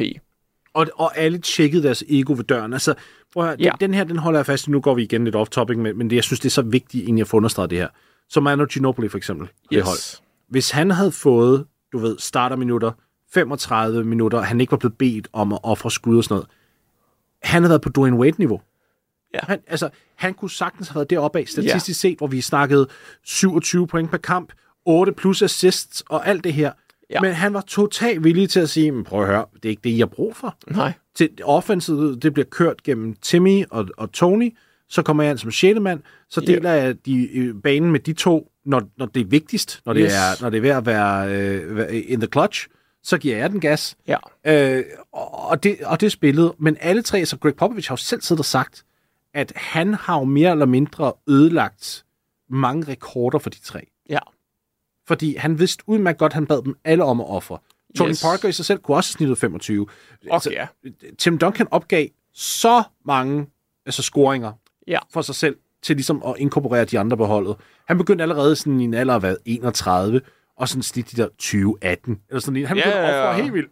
Fuldstændig, og det er det, jeg det, det var nemlig en af pointerne, jeg vil sige med Tony Parker. Jamen, det var et i en organisation, som var så velkørende, men det er også, han var villig til at spille mere for holdet end for mm. sig selv. Og det virker bare ikke til, at Trey han er den spiller, der vil spille for holdet. Han vil gerne spille for sig selv. Og, og Jar, synes jeg, er meget det samme. Ja, lige præcis. Og, og det er ikke fordi nødvendigvis, at jeg synes, at at spille for sig selv er en dårlig ting. Fordi, forstår man nu ret? Lad, nu, nu kan vi hive Donovan Mitchell på banen. Ja, Mitchell spiller på en eller anden måde også for sig selv, ja det gør han. men han gør det ved at tage rigtige beslutninger. Han, yes. Han tænker, okay, hvis jeg, skal, hvis jeg skal have en magtkontrakt, hvis jeg skal være den, en MVP-kandidat, hvis jeg skal gøre de her ting, Ja. så skal jeg bare gøre det, lave det rigtige basketballplay. Yes. Kommer der en dobbelt hen, så finder jeg den åbne mand. Er det single coverage med en dårlig forsvarsspiller på mig, så er det en ISO. Altså, yes. Hans, hans mindset er meget simpelt, Ja. men det virker, og det er derfor, vi kigger på ham i et meget positivt lys kontra altså, Trey og, og, øh, og Jar for eksempel, Ja. fordi han er bare mere effektiv med sine beslutninger. Han er klogere, han tager mere modne beslutninger, men der er ingen tvivl om, han er ikke typen, der, der vil gå med til en sjettemandsrolle, hvis du beder ham om det. Det vil han Nej. ikke. Altså, nej, nej, nej, overhovedet ikke. Og jeg tror godt, han vil være sådan en spiller, der kunne spille en Tony Parker-agtig rolle. Ikke Manu Ginobili, men Ja, en Tony ja. Parker-agtig rolle. Der kunne jeg godt se ham muligvis gøre det, hvor det kunne jeg slet ikke se på nogle af de andre. Og, og, og det er jo det som med Mitchell også, fordi så, så kigger vi på det. Så lad os tage Mitchell nu. 28 point per kamp, 6 assists, næsten 2 steals, 5,5 rebounds, tager næsten jo, lidt over 9 træer per kamp, rammer dem på 36 procent, 86 procent for linjen på lidt over 6 forsøg per kamp. Ja. Han, han har spillet genialt her på det seneste, øh, med Garland ude og alle de andre ude. Altså, han er virkelig deroppe af, Yes. af, af i, form af talent. Altså igen, en spiller, som der lige nu spiller bedre end, end for eksempel MVP Derrick Rose i 2011, for eksempel. Markant ja. Bedre. Men vi kan bare ikke have ham op i de luftlag, fordi igen, hvor er den sekundære skill? Yes. Og hvor er, hvor er det der forsvar henne, som der egentlig kunne gøre forskellen, hvis det ja. Ja. nu var? Altså, hvor, hvor er det... Det er der nåleøje i NBA lige nu. Det er blevet mindre og mindre og mindre, og til trods for, at talentet er blevet så meget større. Altså, Lige præcis. og det hænger jo selvfølgelig også sammen. Ja. ja, ja, det er jo det, der gør at sige, jamen, jeg synes, der er blevet flere stjerner i NBA. Nå, det det, det, det ja. altså ja, det er uden tvivl, og spillerne er blevet meget, meget dygtigere, end de har været. Øh, Især offensivt. Ja. Ja. Over den brede kamp. Jeg tager ikke de enkelte fra tidligere, men over den brede kamp, så er de top 20 bedste spillere nu i ligaen er helt vildt med talent i forhold til, hvad det har været. Ja. Men det gør det også bare så meget sværere at være den der top 1%. Ja. Altså være en af de 3, 4, 5 bedste. Det er helt unikke talenter, der ligger i den kategori. Og jeg tror, det er det, vi ligesom skal prøve at separere lidt i dag, fordi jeg synes, jeg har, jeg har det ret stramt, når jeg sidder og læser artikler omkring rosterkonstruktioner, og folk sidder for eksempel og snakker om nu, hvis, altså, åh, men Brooklyn, de skal ud og lave et stort play for Donovan Mitchell, og sådan, fint nok. Okay. Hva, hvad gør det? Gør det jer til en mesterskabskandidat, hvis det er Donovan Mitchell og Michael Bridges? Er det nok? Nej, nej. Det, det, det, altså, så, så det er sådan noget med, hvor jeg sidder sådan og tænker nu, gør det overhovedet en forskel for de her hold, der måske er lige sådan i de lave rangetter af, af playoff-billedet, at de går ind og henter sig en af de her tier 3, tier 2 spillere, hvis de så placerer dem i en nummer 1-rolle? Nej. Nej, og det er det. Og jeg tror, at det, man skal tænke på de her tier 3-spillere, vi er på, jamen, de skal pares med en af dem fra den helt øverste hylde her. Ja. Fordi det er der, de kan få mest succes og være bedst mulige. Og det var jo det, som Anthony Davis gjorde, da han var sammen med LeBron James i, i deres mesterskabsrun. Han var den bedste spiller, LeBron James har spillet sammen med. Og ja, og, og de begge to var jo nærmest på det tidspunkt tier 1-spillere også. Det var jo Ja. det er jo næsten unfair, ikke også? Altså, Jo. Det, og så blev Davis så skadet til sådan en grad, at han nærmest faldt automatisk ned til tier 2, fordi availability, det betyder altså også bare noget. Det der med, at du misser så mange kampe. Jeg- ved godt, at folk siger, at det er jo ikke fair, det er jo ude for hans kontrol. Ej, 100% enig. Men, men ja. nu til dags kan du bare ikke sidde og, og rangere spiller ens, hvis den ene misser, hvad fanden ved jeg, en halv sæson, og den anden spiller alle 82. Altså, Nej, det nej, er bare en forskel. 100 procent. Øhm, hvordan skal man løse det her problem, Daniel? Nu sidder du og siger, at man skal ligesom sørge for at tage nogle af de fra tier 2 eller tier 3, og så have dem op med tier 1, men der er jo også der er jo noget, der hedder en salary cap. Ja, og det, øh, det synes jeg jo er noget af det, jeg glæder mig til at se, når der er hold, som jeg kunne forestille mig, fonder går ind og gør det her og siger, hvis du ikke er helt øverst, så mm. får du ikke penge helt øverst. Og siger, jamen, for at vi kan lave en roster, der giver mening, og Ja. så videre, jamen, så er vi nødt til at betale det, du er værd. Og ikke, fordi der er mange klubber, de har gerne vil have de her, vi skal have nogle stjerner, vi skal sælge nogle billetter. Der er en, der lige pludselig scorer mange point. Ja. Vi betaler ham boksen. Det har været meget situationen de sidste mange år. Ja. At, at man virkelig har været hurtig til at give den helt store penge. Fordi der er rigt... Ligaen tjener sindssygt mange penge. Ja. Og det gør, at klubberne har været mere villige til at give de høje lønninger ud, fordi de er rimelig sikre på, at de nok skal kunne betale for det. Og at deres klub vil stige i værdi. Øhm, og det har bare skadet øh, den generelle konkurrencedygtighed Mm. og givet et forkert indblik, fordi Trae Young er ikke en magtspiller. Det er bare Nej, ikke, ikke hvis vi går efter definitionen af, at en markspiller netop er en mesterskabsstjerne. Ja, ja, eller en ung i nummer to Ja. kategori, som er lige på nippet. Jeg synes jo, at Jason Tatum, han er en max-spiller, Ja, ja. men han er jo ikke i, i det øverste lag på vores liste her. Nej. Øhm, og, og det er der, jeg synes, der er gjort meget fejl ved, at man lige så snart har haft en ung spiller, der bare har scoret en masse point, eller været virkelig effektiv, så har de bare fået en max- max-kontrakt. Og det er jo, Mhm. Det behøver ikke være den klub, der giver ham skyld, men, men det er jo så de andre klubber, der går ind og tilbyder det skyld måske i den Ja. ende. Og det tror jeg bare skader lidt muligheden for at bygge de her dynastihold. Fordi det gør jo, at man ikke kan have en Tim Duncan, Manu Ginobili, Tony Parker på samme hold. Fordi havde de spillet i dag, så havde de alle sammen bare fået en max-kontrakt tilbudt. Med det samme. Ja, og det De var der, hvor kunne- de offrede hver især. Ja, hvor de offrede, men, men det, de offrede dengang, var også noget mindre end det, en max-kontrakt er i dag, fordi lønloftet er stukket. Så meget af. Men procentmæssigt, var- altså procentmæssigt var det jo altid det samme. Du kunne Ja. kun tjene x antal procent Ja, af ja, ja, ja. salary-capen, og det var det, de var villige til at ofre. Men hvad Helt med sådan en situation som Oklahoma City? Fordi der har du Shea, du har en Jalen Williams, du har en Chet Holmgren. Du kunne sagtens lave det argument, altså Jalen Williams bliver jo ikke snakket om nok. Nej, nej, Generelt. enig. Altså han, han kunne jo nærmest blive en superstjerne i sig selv. Ja, I- og han, er så, og han er sådan en spiller, jeg vil være bange for at gå ud og få tilbudt en max-kontrakt, når der er et eller andet sted. Og det, han er ekstremt dygtig, og nu må vi se, Mhm. hvordan han udvikler sig. Det er jo med forbehold og så videre, men, men selv med det niveau, han har i dag, så kan Ja. han sagtens få tilbudt max-kontrakt. Ja, fordi han er jo nærmest en Kawhi-spiller. Altså, hvis du Ja, kigger på ham, det, der er ikke den der sekundære statistiske outlier, Nej. men defensivt og som connect. Altså, jeg har jo ofte kaldt ham Bruce Brown på steroider. Yes. Jeg, jeg, jeg kan ikke engang lave den sammenligning længere. Nej, nej, nej. Han er Fordi han er, af. præcis. Altså, han er en stjerne nu. Ja. Spørgsmålet er, kommer han til at nå Kawhi-niveau, eller hvor kommer det til at være? Yes. Men Øh, jeg vil, hvis, du, hvis, du sad, hvis du simpelthen bandt mig fast på en stol, og du satte en pistol på panden af mig, Ja. og du sagde, hvem vil du helst have fremadrettet, Jalen Williams eller Trey Young? Åh, ej, det føler jeg rimelig nemt. Jalen Williams? Ja, 100 procent. Jeg kan lige så godt komme på den der til Men det- tre jamen, liste, vi lavede Jamen, der. grund til, jeg, se, der Han er bare grund, så. Det er nemlig det. Han er i sin anden sæson. Ja. Jeg, jeg, jeg tøver bare med... Ja, altså, ja det, altså, det er jo, ja, det er rigtigt nok. For den der liste, der er vi nødt til at have lidt mere øh, grundlag for, ja, øh, ja, jeg tog for også, det. jeg tog også Wemby væk, fordi jeg tænkte, Præcis, lidt samme grund. ja, og en ting til. Det er faktisk den eneste spiller, jeg har på listen lige nu, der stadig er på sin rookie-kontrakt, eller i hvert fald øh, ikke har skrevet under på en rookie-forlængelse, hvis det nu er. Det er Tyrese Maxey. Ja, altså, Og jeg, han får en max. Det, det ved gør, vi, han gør. Det gør han. Altså, jeg kunne også godt have en Anthony Edwards der, som jeg ved, du måske er lidt lavere på, end jeg er. Øhm, Jamen, ham, ham, ham skal vi snakke om. Ham skal vi snakke kommer om. vi til, ja. Det kommer vi til. Men, men det er det her med at finde ud af, hvordan vi egentlig bygger et hold på bedst mulig vis. Altså, jeg ved godt, der går lidt 2K i det her lige nu. Ja. På et eller andet plan her med, hvordan bygger vi hold, og det hele, altså, der, er jo, der er jo klubber, der skal trade for den ene og den andet. Det, det til side sætter vi lidt, fordi lige nu bliver vi bare nødt til at finde ud af, hvilke nogle ar- arketyper, arketyper, ved jeg ikke engang, hvad Ja. det hedder, der skal, der skal ligesom, der kan passe med hinanden. Fordi hvad der også er vigtigt at forstå, det er, vi kan sidde og snakke om, hvad er det bedste sted for Trey.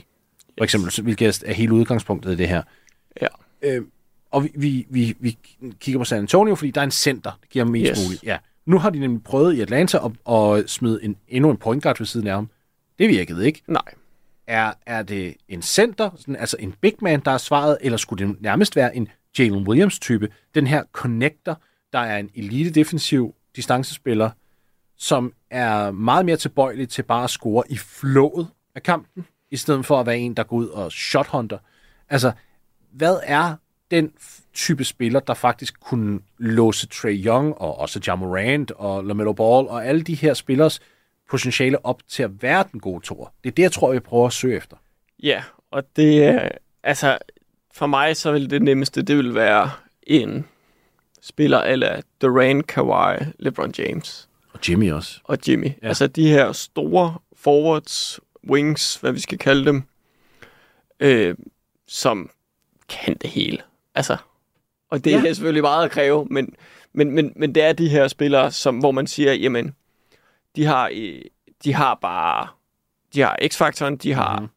de har det her med, ligesom Luca, de kan styre spillet fuldstændig. Altså, Men uden at have bolden i hænderne. nødvendigvis. Ja, fordi jeg sidder og tænker, lad os, lad os bare tage et fuldstændig vanvittigt øh, fantasy-scenarie her. Lad os sige, at Trey Young kommer til Denver sammen med Nikola Jokic. Jeg hader den parring. Ja, ja, det kan jeg heller ikke lide. For af, af flere årsager. En ting er, der er kun én bold. Ja, Du, du, vil, du vil gå på kompromis med en af dem, playmaking-mæssigt, ja. hele tiden. Sekundært, yes. så Trey er ikke en fantastisk off-ball-spiller, Nej. Så det vil ikke, du vil ikke rigtig kunne smide bolden hen til Jokic og sige, sige til ham, sæt Trey op. Nej. Og det vil heller ikke give voldsomt meget mening at prøve at lø- søge de her outside-skud og drives til en gut, der Nej. er 6 fod 1. Så, så, så det er også det her med, at vi skal prøve at kigge på etablerede talenter, hvilket talent de har, og hvordan de passer overens med spillere som Trey, Jar, øh, LaMelo, Donovan Mitchell. Og jeg har, jeg har simpelthen så svært ved at identificere Ja, en altså spiller, min, der passer. Det er nærmest Jannes altid, hvis det skulle være nogen. På Ja. grund af den defensive upside. Ja, og jeg skulle lige til at sige, det, hvis Jason Tatum lige var en 50% bedre forsvarsspiller. Ej, det er meget højt. Han er- han er- han er han er virkelig allerede dygtig. dygtig. Ja, Han det er var meget, meget højt. dygtig. Men, men hvis han måske lige var steppet over. Der var du ja, hård. det var meget hårdt. Det, Ja. det jeg sagde, det var også bare sådan, ah, okay, det var, det Ja. var for meget. Øhm, hvis han lige var, kan man sige, steppet over defensivt måske, så kunne han godt være en, hvor man kunne sige, det kunne måske være noget. Men, men kan man sige, der er Jannes jo den oplagte. Han mangler måske en lille smule Jeg hader faktisk ikke en, altså Trey, Jason Tatum-ideen. Nej, nej, nej, præcis. Jeg havde heller ikke uh, Trey og Jannes ideen, Nej. men den uh, kan vi jo... Nu siger jeg ikke Trey og Damian Lillard er ens, men jeg synes jo, de spiller nogenlunde ens, og den indflydelse, de har på banen. Så er jeg med på, at der er lidt forskel, at Trey han måske laver lidt flere assist, og Dame han er måske en lille smule mere effektiv. Ikke i den her sæson, men Nej, jeg tror, vi bliver nødt til at have en rigtig grim samtale om Dame snart. ja, altså, det ser forfærdeligt ud. Jamen, det, det er ikke bare det, er det der med, når du kigger på ham. Jeg har været meget høj på ham gennem hele hans karriere. Og, og han har haft, bevares, han har haft nogle succesfulde playoff runs, altså hvor at han er nået længere, end jeg troede. Conference Finals.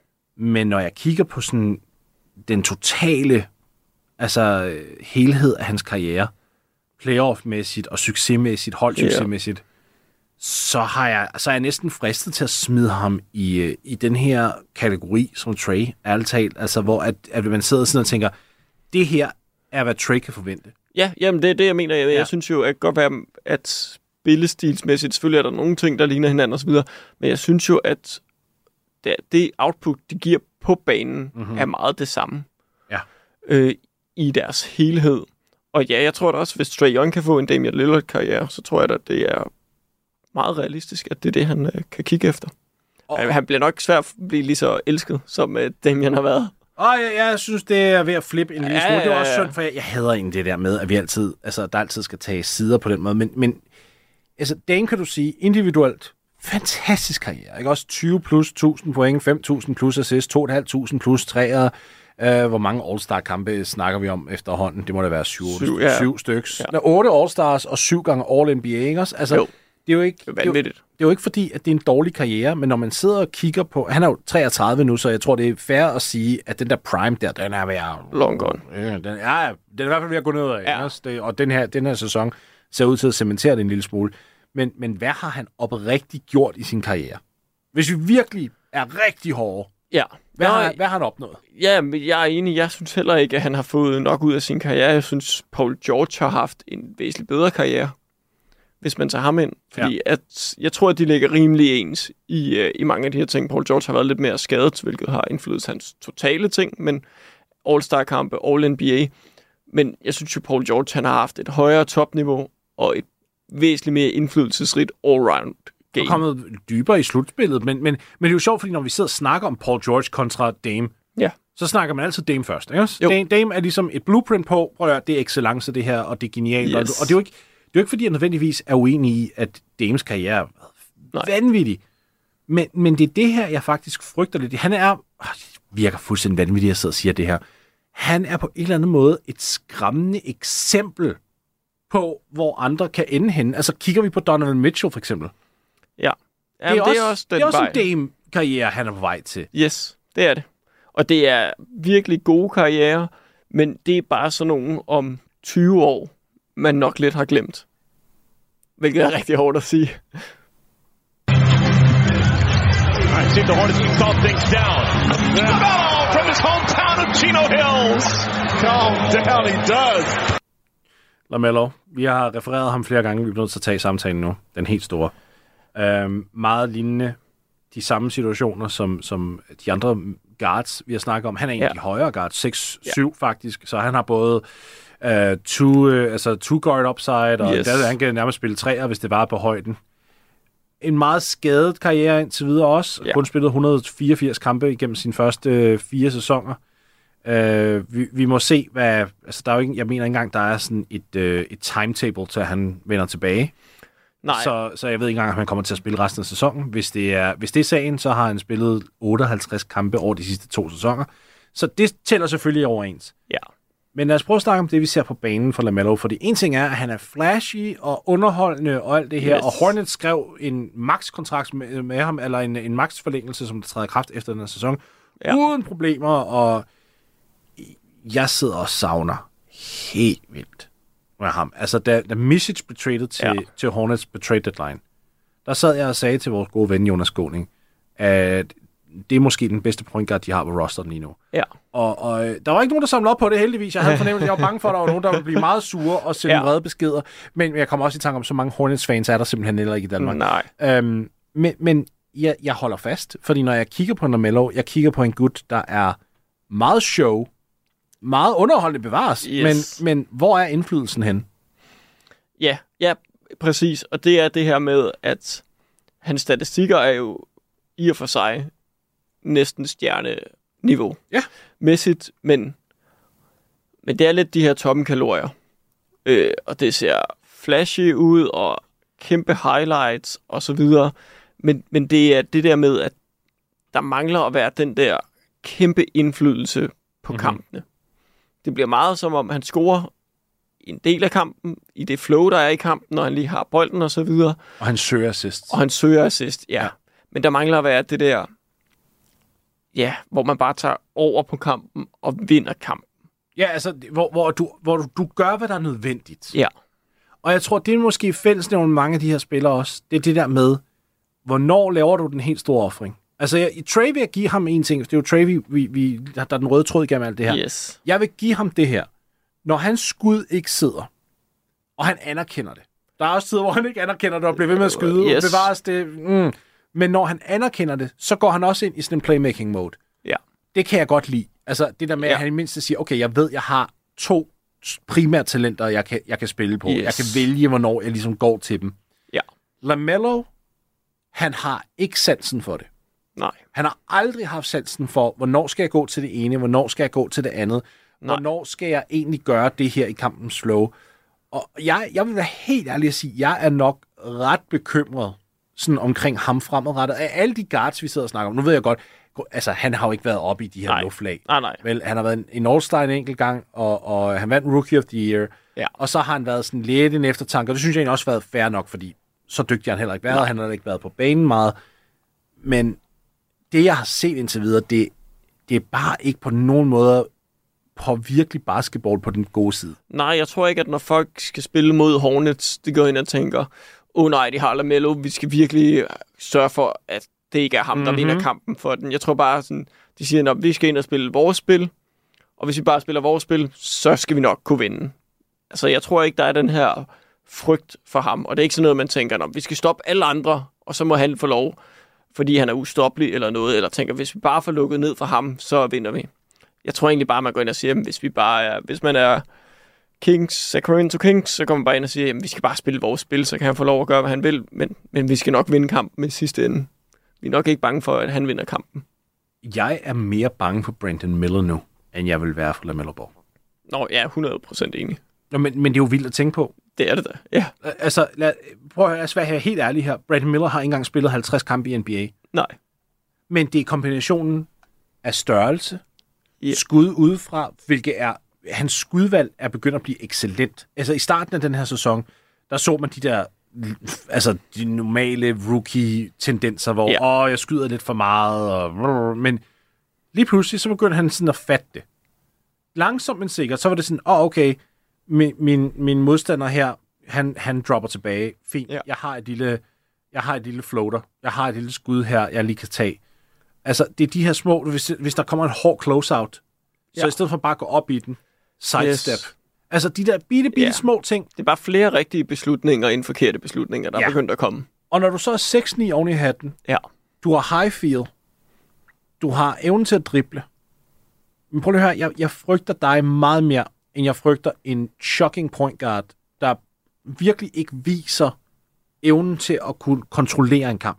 Ja, ja, ja, præcis. Og ja, det kan godt være, at han skyder 44% fra gulvet, men han er stadig rookie. Jeg tror, jeg skød LeBron James 46% som rookie fra gulvet. 41. Altså, Hvad? 41. 41, ja. 41. Ja, 41 da. Og jeg vil sige, det, øh, vi har jo set skridt op her, for, så, Ja. ja. for ved Brandon Miller her de sidste 16 kampe, der er vi jo på 49, 40, 88 splits. Ja, Altså, vi er nærmest på 50, 40, 90 ja, som rookie. som rookie i de sidste 16 kampe. Og 16 kampe, skal jeg lige hilse at sige, er altså ikke en lille del Nej. af en, af en fuld sæson.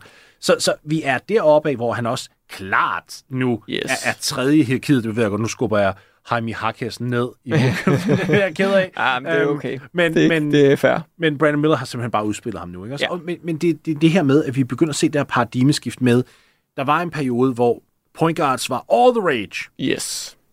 Så kom den playmaking wing ind. Ja. Og, og det, nu går vi tilbage. Altså, det var LeBron, det var KD, det var alle dem her. Ikke? Også Nu Jo. Tatum har taget over. Så har du Luka, som folk, vi, vi klassificerer ham stadig som point guard, men lad os nu være ærlige. giga. Han, han, er en, han, er jo, han er jo han er jo en guard, han er også en wing. Altså, Ja. det, sådan- han, er, han, er så høj, han er højde på en wing, men har point guard skills. Lad os nu bare yes. være helt ærlige.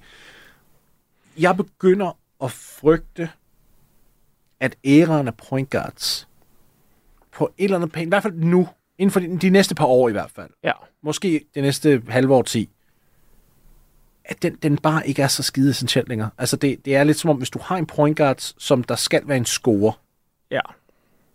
Ja, og jeg synes jo faktisk, at da der kom den her kæmpe boom med point guards, med mm-hmm. John Wall, Ross Westbrook, Harden, Lillard og så videre, det var Steph, der ligesom trådte ud niveauet over de andre. Men der er ikke nogen af de andre point guards her, der har været i spil til en Finals MVP. Eller hvor man har tænkt, ja. Det her, det, han kan blive Finals MVP. Det er kun Steph, der har haft det niveau.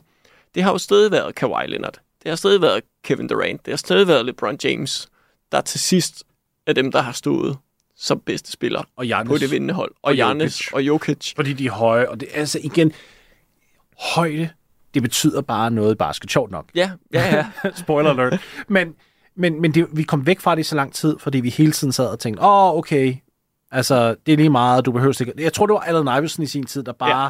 lullede os i søvn med det her med, om oh, du behøver ikke at være en høj spil, men prøv at høre, det hjælper så meget. Og, og så Ja. kan vi snakke om LaMelo, der trods alt er 6-7. ja, ja, ja. Men, han, Men- men han spiller ikke, som om han Nej. er 6-7. Nej, og det er der, den er. Ja.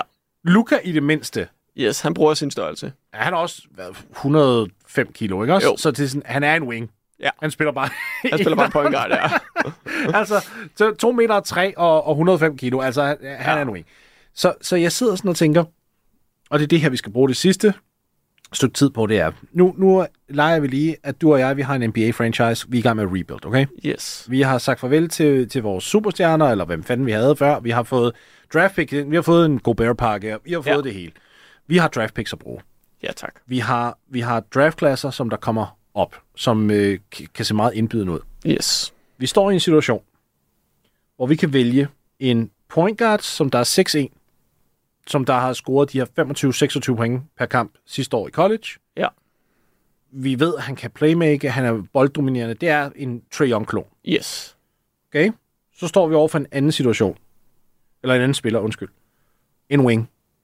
Der måske ikke er lige så altså produktiv statistisk set. Two-way upside. Sådan Ja. lidt, vores indledende analyse er måske OG Ananobi, men Ja. Richmans OG Ananobi. Ja. Hvem går man med der? Jamen, jeg føler jo, at det her med, jeg synes, OG faktisk er et ret fint eksempel at tage ind med, at han har jo noget høj basket-IQ. Mm-hmm. Han kan spille begge ender af gulvet. Ja. Han forstår, hvad han skal gøre for at være god, og ikke nødvendigvis, hvad han Altså, han bare gør alt, hvad han kan hver gang, men han ved, hvad han, hvad han skal gøre på de rigtige tidspunkter. Det vil til hver en tid være en større værdi for jer ind. Og det er meget nemt at tage Kawhi Leonard, som blev taget som nummer 15, eller hvad ja. Han blev draftet som langt nede, som en spiller, ingen, absolut ingen forventede specielt meget af, udover en dygtig forsvarsspiller, der bare går ind og har den rigtige spilforståelse. Det er klart, han lærer at skyde. Og det, Ja, det, det kom lidt ud af ingenting. Ja, det kom rimelig meget ud ja. af Ja. ingenting. Men, men jeg synes bare, upsiden på sådan en spiller er bare meget, meget større, end at sige, jeg kan ramme en Steph Curry. Ja. Altså, Men jeg, jeg, synes, jeg synes, beslutningen er sværere end som så af en grund. Ballhandling. Så hvis der er noget, vi ved nu til dag, så er det, at det er det, der separerer altså de helt store stjerner fra, øh, altså fra resten af feltet. Det er det. Hvis, hvis du kigger på den her mesterskabsstjerneliste, vi nu har lavet. Luka, elite ballhandler. Jokic, Ja. ja. elite ballhandler. Giannis, elite ballhandler. Shea, elite ballhandler. Butler, elite ballhandler. Øh, Embiid, elite ballhandler for hans størrelse. Og så har vi til sidst Kawhi, som ja. folk ikke tænker på som en ballhandler. Men den mand, han Ja. forstår at tage gode beslutninger med den bold, også ja. på driblen. ja, 100 procent. Og da han vinder mesterskabet med Toronto især, men der har han bolden meget Ja. af tiden.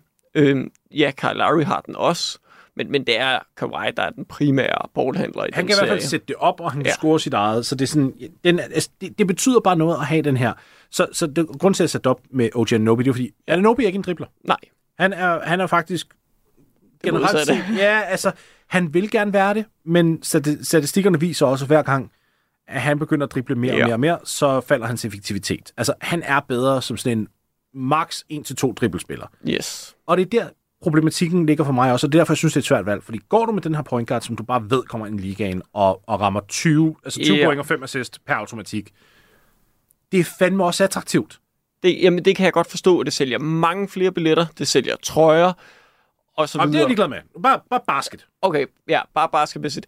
Jeg tror, at grunden til, at jeg vil tage det andet, det er fordi, at OG kan du putte ind på alle hold, mm-hmm. og han vil stadig, kan man sige, løfte holdet. Så du gemmer ham faktisk til, når du finder... Ja, tak. Ja, Ja, præcis. Hvor at hvis jeg så finder den her ballhandler i næste draft, som kan styre det hele, som er et fremtidig superstjerne, mesterskabsstjerne, så har jeg lige pludselig den her spiller ved siden af, som ikke er lige så god ved siden af, som kommer til at være, blive dårligere, mister noget trade-værdi, og skal måske tage noget fokus, måske stopper udviklingen. Ja. lidt.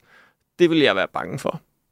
Jeg vil være bange for, at man ender i den der New York Knicks-situation, i hvert fald som de lige nu, ting kan jo ændre sig, hvor de har et hold, der er pissegodt. Ja. men de har ikke en superstjerne. De har ikke den der, den der elite mesterskabsstjerne. Nej. Og det er, jo den, det er jo den spiller, jeg gerne vil have ind. Og det er der, hvor at man bliver så forbandet øh, mystificeret af sådan en som Trae Young. Fordi Yes. jeg kan da godt huske den pre, pre-draft hype, der var i 18. Ja. Man så tænkte, vanvittigt. han, ham her, han kan blive Allen Iverson med et trepointsskud. Yes. Han kan blive øh, en, en Steph Curry-klon. Eller alt det her, Ja. ja. det, det, var, det var drømmen. Det, det var, var var det, ja. upsiden. Og den der upside, den kan jeg godt forstå, man bliver solgt på. Men nu synes jeg også bare, at vi har så mange eksempler på de her mange point guards, altså Morant, Ja. Trey, øh, LaMelo. Mitchell er ikke rigtig en point guard, men han er alligevel en... De'Aaron Fox også. De'Aaron, f- ja, og Fox. Se, det er det der med holdsucces og sådan noget. Altså, men ja, han har jo ikke... Han har været på slutspillet ja. en gang, så ved Ja. ja. han er med. Han er med, vi må sætte ham med. Og, og jeg sidder sådan og tænker, der er simpelthen for mange eksempler nu på, at vi kan tage en guard, og det kan gå galt. Eller ikke nødvendigvis gå galt, men vi kan ende med at, at finde os selv i middelmodighed. Ja. Ja, vi kan jo bare se uh, Washington Wizard, Portland Trailblazers, der kørte de her små guard-shows med, at ja, de var gode i grundspillet, de kunne nå lidt i slutspillet, men lige så snart, at de løb ind i, øh, i de her store wings derude, så var de ude af kampene. Edwards! Oh my! On his head! Og det fører os til Anthony Edwards. Yes. Jeg kan godt lide Ant, bare roligt. Det er ikke, fordi jeg Nej, nej, tager helt, jeg, helt på manden her. Men øh, ah, han har nogle, der er nogle beslutninger, han tager væk fra banen, som jeg også er en lille smule irriteret over. Men det er en anden, nu tænker vi kun basket. Alle kigger på ham som den her nye Dwayne Wade, og nogen kalder ham Jordan, hvilket jeg synes. Okay, så, han er 1,93. Ja. Han er så til gengæld også tung. Han er 102 kilo. Han er muskelbund. Yes. Så det, størrelse er ikke en kæmpe faktor. Men alligevel bliver man også bare nødt til at han er ikke 6'8. Nej, nej, nej. Han har ikke det der, du ved, Luca LeBron-højde. Han Nej. har ikke den der, du ved, de der ekstra inches, der bare lige gør, at han kan se over forsvaret konstant. Nej. Og så kommer den store ved mig. Har han et sekundært skillset? Har han den, en sekundær... Jeg synes, han er blevet bedre som playmaker. Han er også blevet bedre som forsvarsspiller. Og jeg synes, det er en sindssygt fed pointe for at tage ind, fordi jeg tror, alle er så høje på ham, mm-hmm. som de er. Fordi at han har alle muligheder, fysisk og spilmæssigt, for at få den her sekundære excellence. Om det så bliver i playmaking, den, den er måske lidt svær, men jeg håber jo på, at han går ind og siger, jeg skal score point, og så skal jeg bare være en helvedes dominerende forsvarsspiller. Ja, Kawhi-modellen. Lige præcis. Det er det, jeg håber på. Og det er selvfølgelig virkelig, virkelig meget at, at, at forvente af en ung spiller, der kan score mange point, at han skal lægge meget energi i, i forsvaret, og måske skrue en lille smule ned for, øh, for pointene. Men jeg tror virkelig, at hvis han gør det, så kan han godt være en, vi snakker om på Jason Tatum-niveau, og en, der kan banke på døren på et senere Altså til mesterskabsstjerner. Ja, jeg vil ikke sige, at jeg tænker, så er han der klart, men, men så er han en, hvor vi siger, jamen han kan måske være, være ja, en, der godt kan tage et hold rigtig, rigtig dybt i slutspillet. Øh, men, men det er klart, det skal man se først. Men, men Han er meget glad for at score. han er nemlig meget glad for at score. Øh, han er også dygtig til det, men, men der skal det her sekundære på. Han Og det, og, det skal på, og det skal på snart. Altså, jeg ved Ja, godt, at han er kun ja. 22, men det er sådan noget, det, altså, vi skal se, vi skal se dedikationen til det. Ja, ja, ja, præcis. Og se arbejdet blive lagt, og se, at han tydeligt forbedrer sig på, om han så vælger, om det skal være, jamen, jeg skal være en bedre playmaker, eller jeg skal være en bedre forsvarsspiller. Det, det føler jeg er en af de to retninger, han skal gå og sige, at det her næste år, det er nu, næste år, jeg går op og Ja. viser, jeg er helt deroppe blandt de helt store unge spillere. Min bekymring med ham lige nu ligger også i, at vi har set før, at der er unge spillere, der er købt ind på et holdsystem. Men når at de andre spillere, der har været med til at etablere det holdsystem, så forlader klubben, Ja. Så falder de tilbage til normalen. Og, og her tænker jeg jo især Rudy Gobert. Rudy Gobert yes. Har sat en defensiv standard i Minnesota. Ja. Det er ligaens bedste defensiv hold i min optik. Jeg ved ikke engang, hvor de rangerer øh, Nej. defensiv ratingmæssigt, men jeg er faktisk også ligeglad. Ja, Det er Yes. den, den bedste defensive klub i, i, i ligaen lige nu. Gobert er dog deroppe af. Nu ved jeg, de, nu er de lige, det skal lige siges her, for 20 minutter siden, så kom der lige Ja. en notifikation for, for Wojna- Adrian Wojnarowski for E ESPN. De har tænkt sig at forlænge med Mike Conley i to år, 22 millioner, øh, totalt set. Det kan jeg så godt lide. Fantastisk kontrakt. Ja. Elsker den. Så der kommer til at være noget defensiv, øh, defensiv tilstedeværelse stadigvæk næste år i, i Mike Conley, men han er også 89.000 år gammel efterhånden. Yes. Jeg sætter spørgsmålstegn til, er Ant villig til at indgå i et så stort defensivt, øh, en, en, en lige så stor defensiv dedikation, som han har nu, når de spillere er væk? Jeg Ja. kender ikke svaret på det spørgsmål, og Nej. det skræmmer mig. Ja, og man må også bare sige, umiddelbart, så virker det ikke til hans attitude og den persona, der er omkring ham, at han er det. Og det er jo virkelig, virkelig svært at vide, hvordan han er til træning og så videre, men umiddelbart så virker det som om, at det er, det er meget den her amerikanske, jeg skal være Ja. en all-star, jeg skal score point, jeg skal have en masse love udefra. Hvilket, hvilket er fair nok. Ja, altså, ja, ja. det, det har jeg aldrig, vil aldrig nogensinde klandre nogen for. På ingen måde. Men jeg er enig i, at det virker som om, at det er en stor fokus for ham. Og Ja. det, det er sådan noget, der også kan bekymre mig. Altså, jeg tror ikke på, at det kommer på, på bekostning af hans arbejdsindsats. Fordi Nej, jeg, nej, nej, kun, nej. jeg har kun hørt gode ting om, hvordan han arbejder bag scenen. Helt sikkert. Det er bare, hvor det arbejde bliver lagt hen. Bliver, jeg bliver det lagt de rigtige steder, Yes. og har han den fokus, den nødvendige fokus til at blive en medlem af mesterskabsstjernerne. Ja. Fordi hvis vi sidder her og sammenligner ham med Luca for eksempel, altså han er niveauer under. Ja, der er, der, Der er et meget stort hop Ja, ja, mellem de to. Og det var der også, da Luca var samme alder som ham. Yes. Ja, så, så det der med, at vi allerede er begyndt ligesom at sælge ham som the next big thing. Og vel, Luca var All-NBA første spiller. Der var var han ikke? Ja, på hans alder. 22, det mener han jo også. Jeg og, tror det, endda, han var der, var 21 også. og det er jo ikke fordi, at Luca nødvendigvis skal være standarden for det hele. Det kan og alt ikke det, være. det, er ikke- det er ikke det, jeg prøver at sige. Men, men med ham, der sidder jeg også bare sådan og tænker, okay, hvad er din rolle her? Fordi du er ikke den højeste spiller, af, af, af, når du er på guardpladsen her. Altså, det er du ikke. Du er ikke, igen, jeg bringer mig op igen, LeBron, Luca, altså, du er ikke den højde. Nej. Og Så han er, han er også til- noget lavere end Jordan var, til dem, der har siddet og sagt det. Det, det er han også. Altså, der, der, er så, også så, lige, så, så, han er lige det lavere der er lige 5 cm, der mangler end, der. end de her wings Ja. øh, klassiske. Hvor, øh, altså, jeg ved godt, at der, er- at, at der er mange derude, der er ekstremt høje på ham. Det er jeg også selv, det er ikke, fordi jeg ikke er det. Men jeg, jeg tror bare, når jeg kigger på de her guards, som har så meget fokus Ja.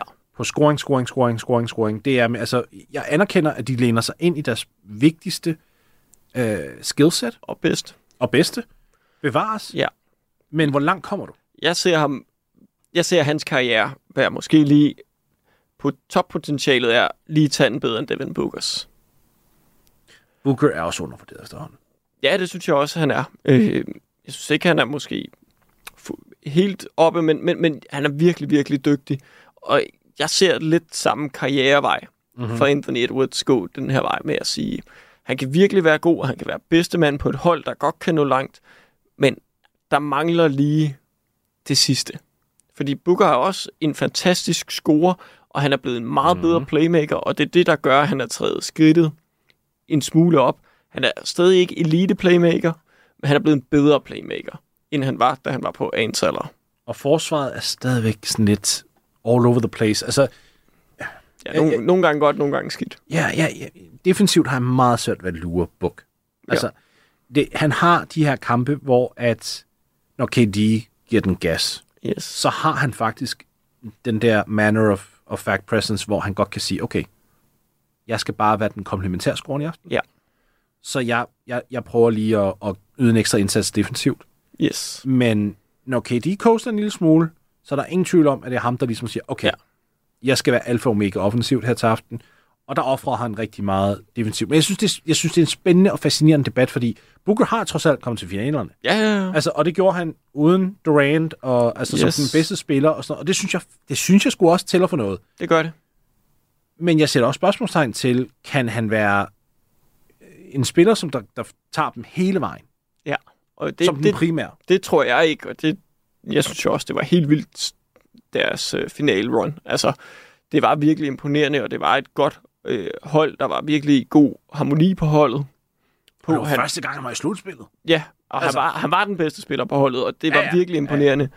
Ja, ja. Øhm, og, men lidt ligesom Tatum, der også har været i finalerne der to gange. Mm. Jeg ser dem bare ikke, lige nu i hvert fald, Nej. have det der, hvor jeg bare tænker, okay, men hvis alt brænder på, i mindste har vi dem, så skal de nok klare den for os. Den fornemmelse har jeg ikke. Han havde de der to 40-pointskampe back-to-back i finalerne øh, mod Milwaukee. Ja.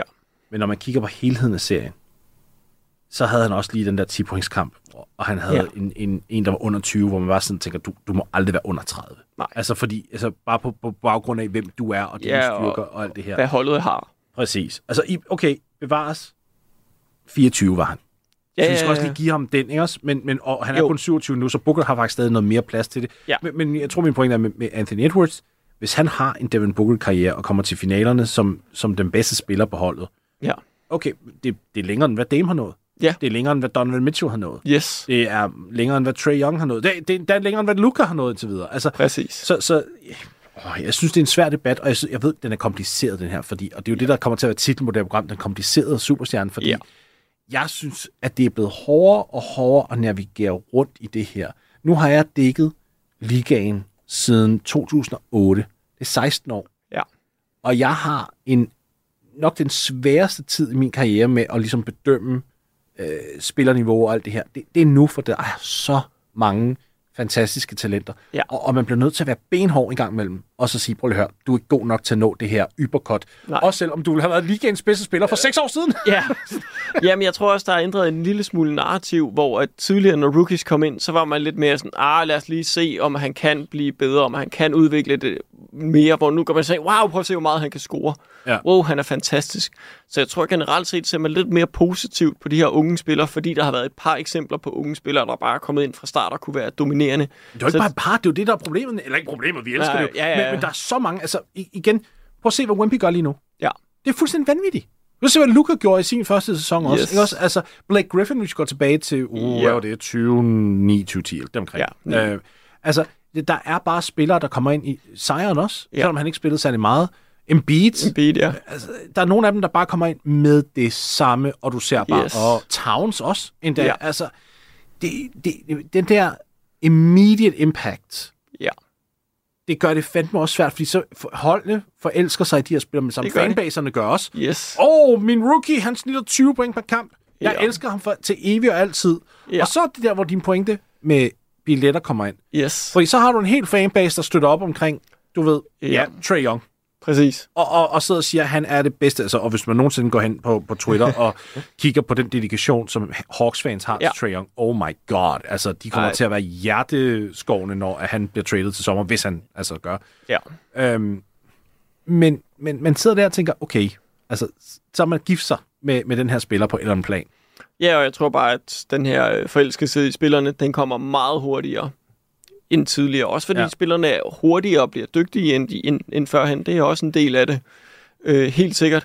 Men det tror jeg bare gør det virkelig svært for klubberne at finde ud af, jamen, okay, han er virkelig god, men er, hvor god er han? Ja. Hvor langt kan han tage os? Hvad skal vi bygge rundt om? Fordi jeg synes nogle gange også med de her unge spillere, Mhm. mm-hmm. det kan være rigtig, rigtig svært på det tidlige stadie at se, hvordan er det bedst at bygge omkring ham. Ja. Nogle gange, det tager bare nogle år for at finde ud af, okay, han har brug for det her ved siden af sig. Det er den her vej, vi skal gå. Hvor, kan man sige, det synes jeg jo for eksempel er, er sådan noget, hvor at Boston har ramt, måske heldigt, men rigtigt, med Jason Tatum, Ja. med at holdet, han faktisk kom ind på, passede egentlig til det, han udviklede sig til. Om det er så ham, der har udviklet sig ind i det, eller holdet, der bare har passet ind. Jamen, det har været virkelig tidligt, han har kunne være god øh, på holdet, fordi det har passet ind. Og jeg føler ikke, de har bygget op om ham. Det har bare passet. Han er også han er lidt mere en plug-and-play-spiller. Altså, Tatum, Ja, helt sikkert. Tatum, jeg kan rigtig godt lide Tatum. Jeg synes, han er, han er svær at placere i det her hierarki. Altså, og igen, du siger jo, som du også sagt, altså, han har været i, i øh, finals, og han burde måske være op i mesterskabsstjerne-kategorien, men, men det er det der med, et, han har ikke fået dem over the hump. Det, synes, altså, det, ved- det ved jeg også, der er Ja, andre her, der, er ja, ja. andre, der ikke engang har været i, slu, i, i finalerne endnu. Nej. Men det er der med, at han, han, kan, han kan forsvinde Ja. i visse tidspunkter, men jeg vil stadigvæk tage ham og bygge op omkring en, en Trey, eller en Donovan Mitchell, eller en Klart. Damian Lillard, eller en J.R. Eller Han ligger eller klart i det her nummer to lag. Ja. Altså helt og, og kan meget hurtigt komme ind på nummer et. Yes, lige Ja. ja. præcis. Hvor de andre, det ligger i nummer tre og prøver at komme ind i nummer to. Tatum for mig er, er, er det, som jeg vil gå efter, hvis, hvis det scenarie, vi satte op her tidligere, med, med hvis du og jeg havde Ja. en, en, øh, et stod over for to valgmuligheder. Yes, Så vil jeg håbe, at den wing blev til en Tatum. lige præcis. Men her er det, jeg vil faktisk måske stadigvæk gå med Gardner i en grund. Fordi hvis jeg ved, han rammer gulvet og scorer 20 og 5, Ja. og jeg er villig til at være en kold, kynisk stodder, Yes. Så kunne jeg lade ham bygge den her trade-værdi helt vildt meget op i sin rookie-sæson. Ja, ja, ja. Og så kunne jeg sælge den idé til andre klubber og sige, prøv Ja. at høre, han har tre år tilbage på sin rookie-kontrakt. Yes. Han er allerede 25, 28, hvad fanden han nu end er, den her guard. Ja. Giv mig flere draft picks, og giv mig nogle unge wings, og nogle unge big men, som, I, som, som jeg måske har identificeret at være lidt under radaren. Ja, og jeg glæder mig til den dag, der er en GM, der kommer ind og bare er ligeglad med, hvad fanbasen siger, og bare spiller ja, Moneyball for at tage den her Og baseball det var Danny Ainge. Det, det var den, det, Jason Tatum er jo i Boston på grund af Danny Ainge, Ja. og det er på grund af Ainge. Ja, han var, han var fløjten. Han sendte Paul Pierce, han sendte Kevin Ja, men det Garnett. gamle spillere. Ja, ja, ja, men han sendte dem stadig ud. Ja, men det, det må jeg sige, Sam Presti gjorde med Paul George, der var noget yngre. Øh, Er det sæsonen, den sæson, hvor han bliver nummer to Ja, i MVP-racet? Ah, der fik han også et Han tilbud, skipper der... ham ud. Ja, ja. Ja, ja. Men, men det er godt nok få ejere, der vil gøre det. Det er rigtigt. Det er rigtigt. Øhm, og, når, og man kan bare se, jamen det er dem, der bærer frugt af dem. Det er dem, der tidligt siger, fint, vi kommer ikke til at vinde Ja. med det, vi har nu. Vi får rykket rundt med det samme. Og nu står Memphis i en situation med Jar, Atlanta står i en situation med Trey, hvor de har låst de her talenter fast. Altså, Memphis, vil jeg så sige, har mere potentiale, Ja. fordi der er et hold omkring Jar, der kan bære rigtig meget af det. Yes. Øhm, G.G. Jackson, for eksempel, rookien. Oh, Han gør det godt. han er, altså, han er dygtig. Ligaens yngste spiller. Ja. Hvis han bruger resten af den sæson på at bare gro og gro og gro, så næste år, Yes. så har de altså et hold. Men samtidig vil jeg sidde og tænke, hvis det Jar, der skal være, du ved, spilleren, der ligesom beslutter om, hvor langt de kan nå. Hvis det er ham, der er the determining factor. Ja, Jamen, jeg kan nogle gange godt lide måske også at sige, jamen, hvis man skal tage sådan et scenarie med at sige, du har, øh, der er en form for draft, der kommer ind her, du ja. har lov at vælge mellem Morant og Doncic. Tager du Doncic, så er de næste spillere, der går lang tid, før du må vælge dem. Ja. Tager du Morant, så må du vælge om 10 spillere. Ja, ja, ja. Nummer to her. Vil man nok ikke stadig gå med Luca, og så sige, jamen, så kan jeg godt nøjes med nogle rollespillere længere nede. Åh, oh, det er et godt spørgsmål. Også fordi øh, jeg vil jo 10 gange hellere have helheden, forstå mig ret, af Memphis' roster, Ja, ja, ja. øh, end hvad Dallas har for uden Luca, for jeg synes, jeg synes virkelig ikke, de har gjort et godt job om at bygge På omkring ham. ingen måde. Og det tæller også i alt det her.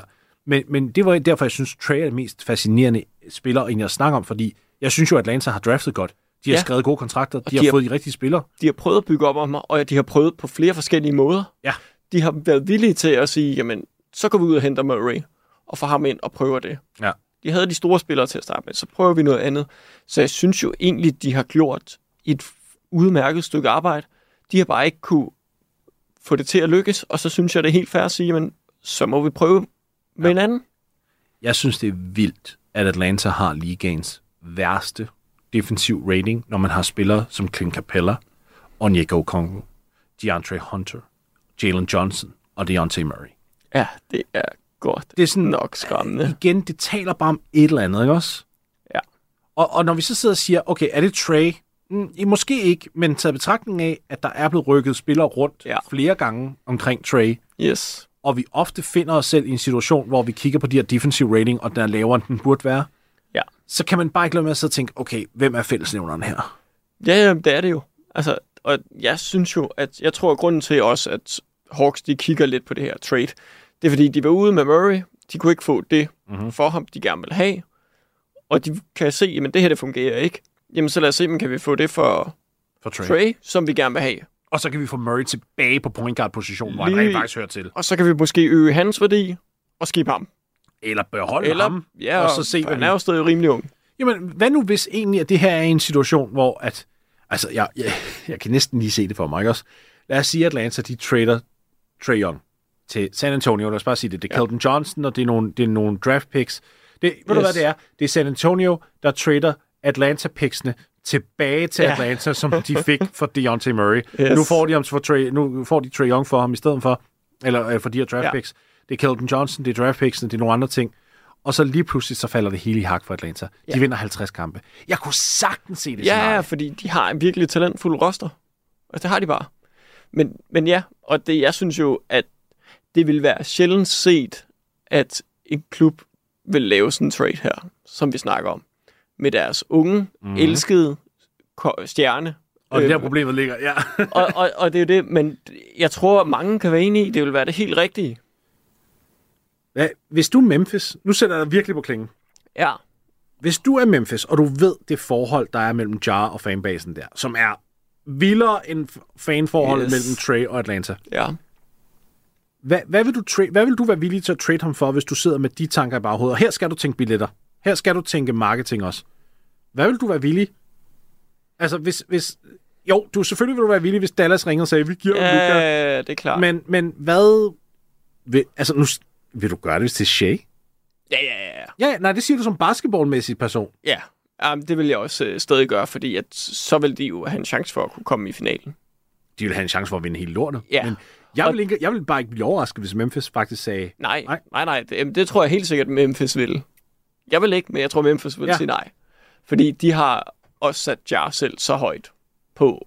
Altså lidt ligesom ja, det her med, at de gerne vil have den her amerikanske superstjerne. Han var jo lige pludselig, inden han Ja. ja. begyndte at svinge med revolverne, og var han lige pludselig Der, der findes ikke noget mere at- amerikansk end det. Nej, nej, nej, præcis. Det er på, på godt og ondt. Øhm, så så altså, det, jeg tror virkelig, at det her med, at klubber, der for Mhm. tidligt låser sig fast til deres spillere, det kommer til at skade dem. Fordi hans... Altså, jamen, jeg er rimelig ude på ham. Jeg tror, at han kan sagtens være en god spiller, og de har et rigtig farligt hold. Men der er bare for mange problemer. Altså, det er der bare. Og så kan man sige, at Allen Iverson havde det også og fik det vendt, men det er også en spiller på 80 år. Ja, ja, ja. Altså, der er bare de her spillere, Når de er lave og ikke Ja. rigtig... Ja, ja. det Vil du, vil, du flip, vindue. vil du flippe Morant for, for, øh, for Trey? Fordi når jeg sidder og kigger på det hold, der er i Memphis, der tænker jeg rent faktisk, at det er lige akkurat spillere, der kan dække for Treys svagheder. Ja, Jeg siger ikke, det vil virke. Nej, nej, jeg vil tage chancen, fordi jeg tror ikke, det kommer til at virke, som det er nu. Så jeg vil være villig til at, til at gøre meget Mm. for at tage chancen. Så ja, det vil jeg nok. Atlanta vil det ikke give særlig meget mening. For Ej, igen, nej, det vil være helt, det, er der, den er, ikke også? ja. Men, men alligevel føler jeg bare, at du shuffler rundt, Ja. uden egentlig at finde en permanent løsning. Ja. Hvor... Ja, hvordan skal jeg forklare det her? Så når jeg sidder og kigger på rosterkonstruktioner, Ja. jeg vil altid gå efter en, en stjerne først for at kunne bygge op omkring det. Igen, yes. Det, er derfor, det er der, jeg har landet min kritik med New York også omkring. Ja. det der med, du har alle komplementærstjernerne, du har øh, rollespillerne, men du mangler den der, du ved, Embiid-type-agtig. Yes. Men når du sidder i en situation, hvor du bygger om, ligesom Atlanta, ligesom Memphis gjorde i det her, altså, hvor at du ikke er sikker på, at du får en MVP-kaliber-spiller ind, så bliver du også nødt til at tage det bedste, du kan få. Fordi du kan ikke, alle klubber kan ikke få en Luka eller Nej. en Giannis eller et eller andet. Du bliver nødt til at tage det bedste, du kan få. Men når det er en spiller, som vi ved, der kan gå ind og, og sætte et loft på din franchise, Ja.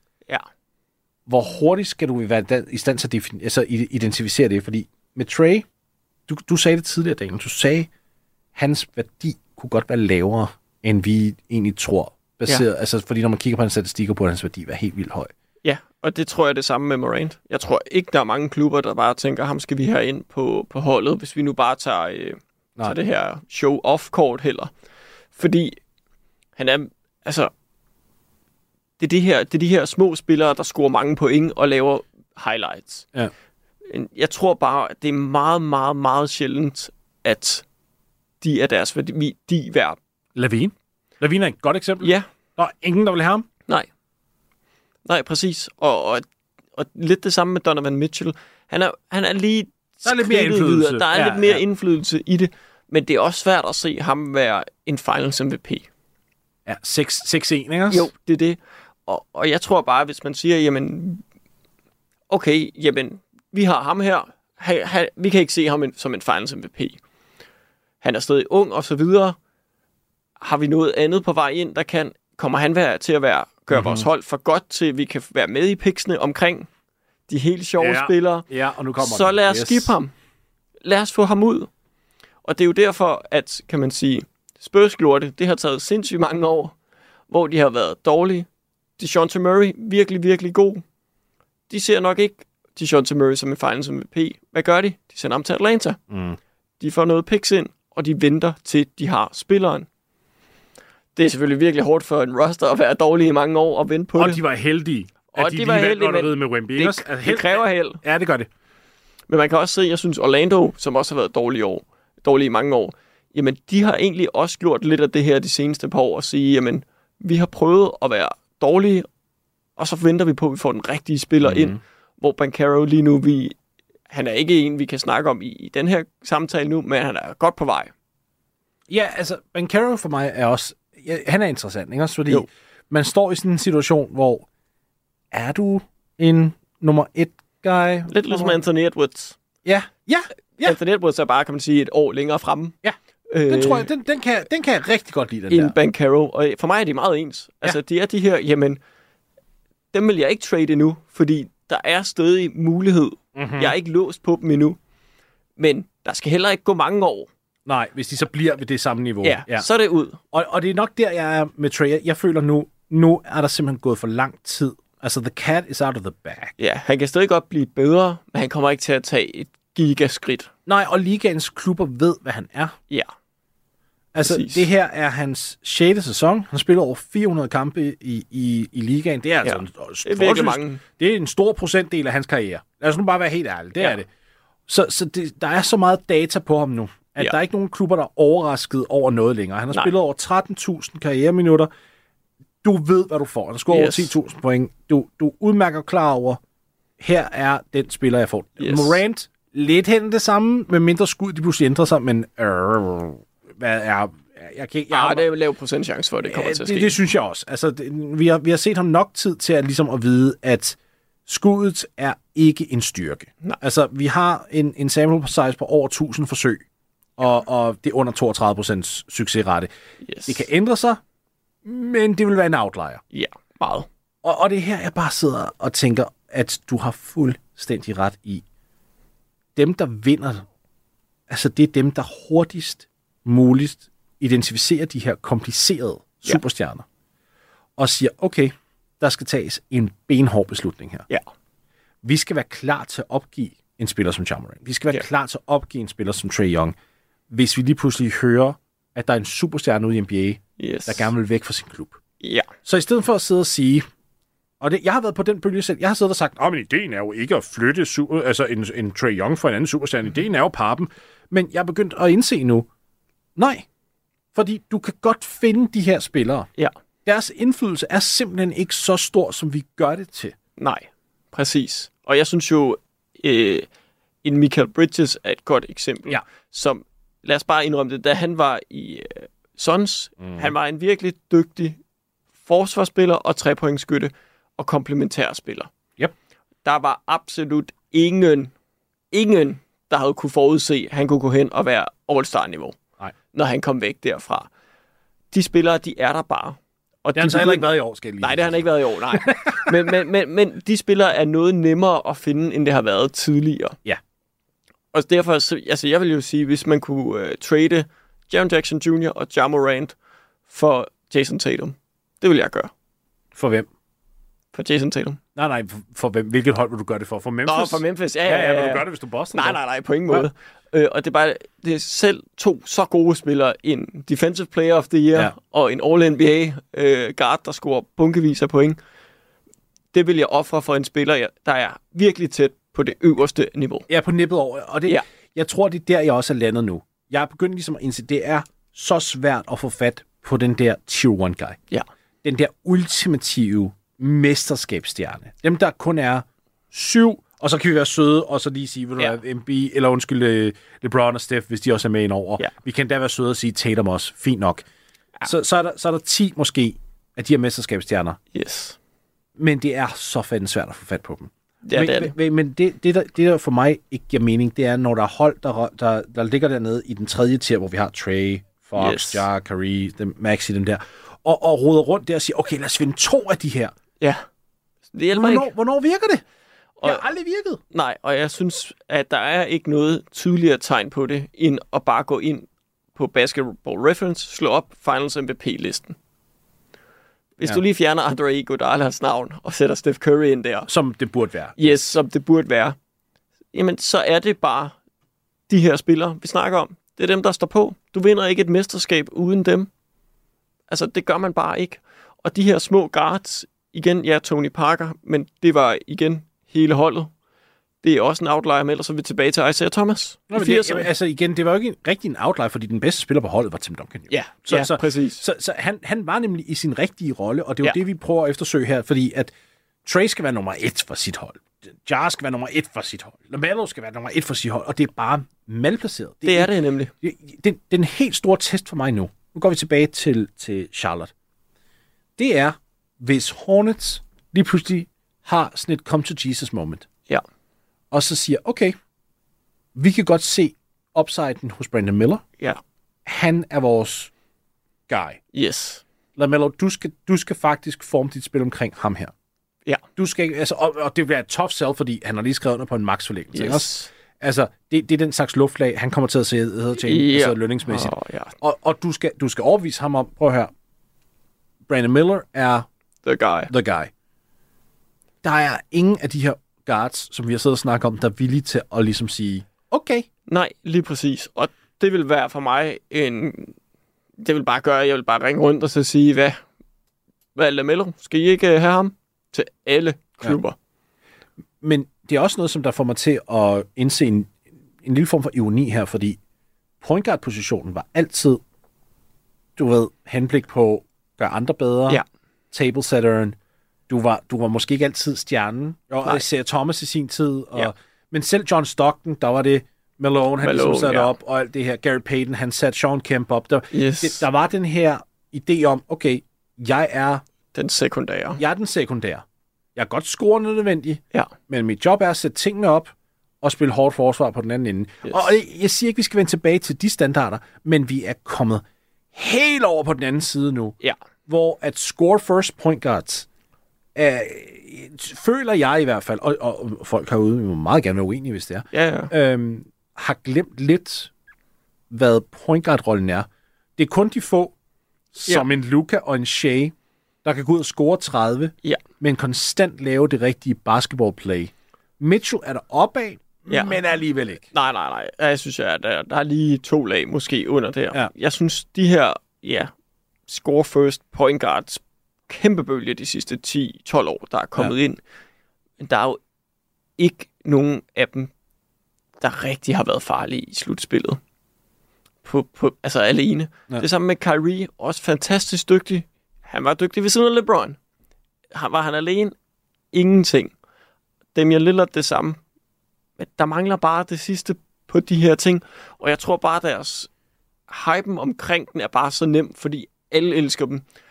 Det er nemmere at se sig selv i en lille spiller, der kan score point. Det er meget nemmere for os øh, fans at gå ud og prøve at duplikere. ja. Og det er bare med til at bygge hypen op. Men sidder man som et hold, og man vil vinde et mesterskab, så skal man ikke kigge over, at man har fået fem All-Star placeringer. Han er en god spiller. Man skal kigge på, de hold, der vinder mesterskab, hvad er det, de gør? Hvad er det, de har? Det er det, man skal gå efter. Jeg er rigtig glad for, at du sagde det, fordi der, der er et navn, jeg gerne vil runde alt det her af med. Han er lidt past hans prime nu. Så, så det er ikke sådan... Og, og han, han er... Jeg vil også gerne sige, at han bliver uhyre ringe i slutspillet, og det er ikke altid... En, og det er selvfølgelig... Eller det er aldrig en god ting. Drew Holiday. Ja. Nu kigger vi kun på grundspillet, for igen, jeg ved ikke, hvad der sker. Der, det, er som om, at hans krop bliver øh, possessed af en eller anden persona, når han kommer ind i slutspillet, for han ja. Ja. kan ikke ramme noget som helst. Men kigger vi på grundspillet, så er der ikke mange point guards derude, eller bare guards derude, der har fattet opgaven bedre end Drew Holiday. Han kan stadigvæk gå ud, og det har han gjort før, scoret 20 plus, Ja. hvor at det har været, okay, jeg tager de her muligheder, jeg gør dem til det bedste, men jeg er ikke holdets primære offensive Nej. kreatør. Det lærer jeg andre om. Jeg er en komplementær spiller scoringsmæssigt. Jeg skal sætte min holdkammerater op. Jeg skal spille forsvar. Jeg skal rebounde. Jeg skal gøre de her ting, som der nu falder inden for rollen af point guard. Ja. Og ja, har, er der kampe, hvor jeg kan mærke, at mit scoring punch er nødvendigt, yes. Så tager jeg det på mig, og så gør jeg det. Det var også med til at føre øh, Milwaukee til et mesterskab. Altså, ja. Ja. vi, vi, vi kigger på en spiller her, som jeg vil ønske flere unge spillere emulerede Ja. lidt mere. Ja, jeg er meget enig. Han er en undervurderet spiller øh, igennem hele sin karriere. Øh, der har været det her hype med, at han ikke havde været All-Star, hvor folk var, var lidt på ham. Men han har altid været han har altid været med til at gøre sit hold bedre. Altid. Altid. Og det kan man ikke sige om Trae Young. Og, og det synes jeg bare er, er virkelig ærgerligt, at det ikke er. Fordi det er nemlig de her spillere, der burde få mere opmærksomhed. Men fordi man ikke kan måle det på antal point scoret og så videre og så videre, så falder de bare lidt i glemmebøgerne. Ærligt talt, fuck opmærksomheden. Jeg vil faktisk mere sige, at de burde få mere... Øh, de burde bare få mere credit for at spille deres rolle, og, og, og hvad, der egentlig, hvad de burde få, det er, at de burde blive emuleret mere. Ja. Der burde være flere guards derude, der kigger på en True Holiday, og så siger, okay, prøv at høre, der er en vej til succes der. Yes. Der er en vej til en kæmpe kontrakt der. Ja, Uden at jeg behøves at tage 20 skud per kamp, og, og snit 12 assists. helt sikkert. Altså, det, den, den ligger derude. Ja. Spørgsmålet er bare, hvem der er villig til at tage den tete op. Ikke? også? Jo. Så Trae Young bevares, altså han har bare ikke det defensive talent. Det bliver vi også bare nødt til at, at, at, anerkende. Ja. Men du kan ikke fortælle mig, at en Anthony Edwards for eksempel, nu ved jeg godt, at han er en point guard, men kunne sige, okay, Jeg kan se det her. Ja. Samme kropsstørrelse, alt det her. Hvis jeg måske skal lære en lille smule tilbage offensivt, men jeg går balls to the walls defensivt også, Yes. så jeg bliver en konstant two-way player, Ja. Sky's the limit.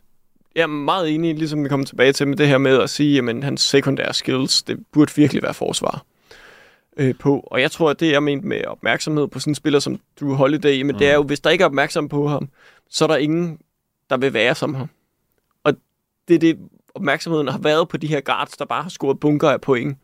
Og det har bare gjort, at jamen, holdene har forelsket sig mere i dem, end hvad deres værdi måske har været værd. Det var bosseren på øh, denne øh, Bosser Beater Special, hvor vi har snakket om øh, den komplicerede øh, superstjerne med fokus på, på små guards. Og, og Daniel, øh, inden vi lige runder helt af, så bliver jeg jo simpelthen nødt til at spørge, fordi du, du, du Trey Young, vi ligesom har haft op og, og vende her. Det er, der er faktisk to spørgsmål. Et, tror du, han bliver traded her til sommer? Og to, tror du nogensinde, han vinder en mesterskab? Jeg tror ikke, han vinder et mesterskab, og jeg tror heller ikke, han bliver traded til sommer. Der har vi den. Ja. Jeg, jeg ved ikke selv, hvor jeg står. Øh, jeg håber i øvrigt også, at folk, der lytter til det her afsnit, øh, ikke læser det som kritik af Trae Young eller LaMelo i den forstand, at man mere læser det som, hvor er vi på vej hen basketballmæssigt, fordi jeg synes, det er vigtigt at ligesom tage fingeren på pulsen og prøve at overveje, hvad er det egentlig for nogle spillere, som der er indflydelsesrige, hvilke nogle er knap så indflydelsesrige, Ja. for det er også noget, der kan påvirke draftstrategier fremadrettet, og bare generelt rosterkonstruktioner. Så jeg håber ikke, at det var øh, noget, der virkede alt for, for hateful. Men Daniel, tusind tak, fordi du var med. Og øh, til alle jer derude, indtil vi snakkes igen, så pas rigtig godt på jer selv.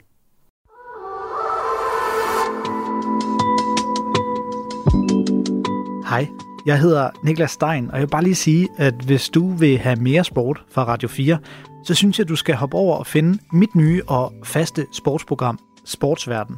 To gange om ugen, der folder jeg på 30 minutter nogle af tidens største og vigtigste sportshistorier ud på en lækker og velfortalt måde, hvor der er kredset for detaljerne. Du finder Sportsverden i Radio 4's app, eller der, hvor du lytter til podcast. Vi lyttes ved.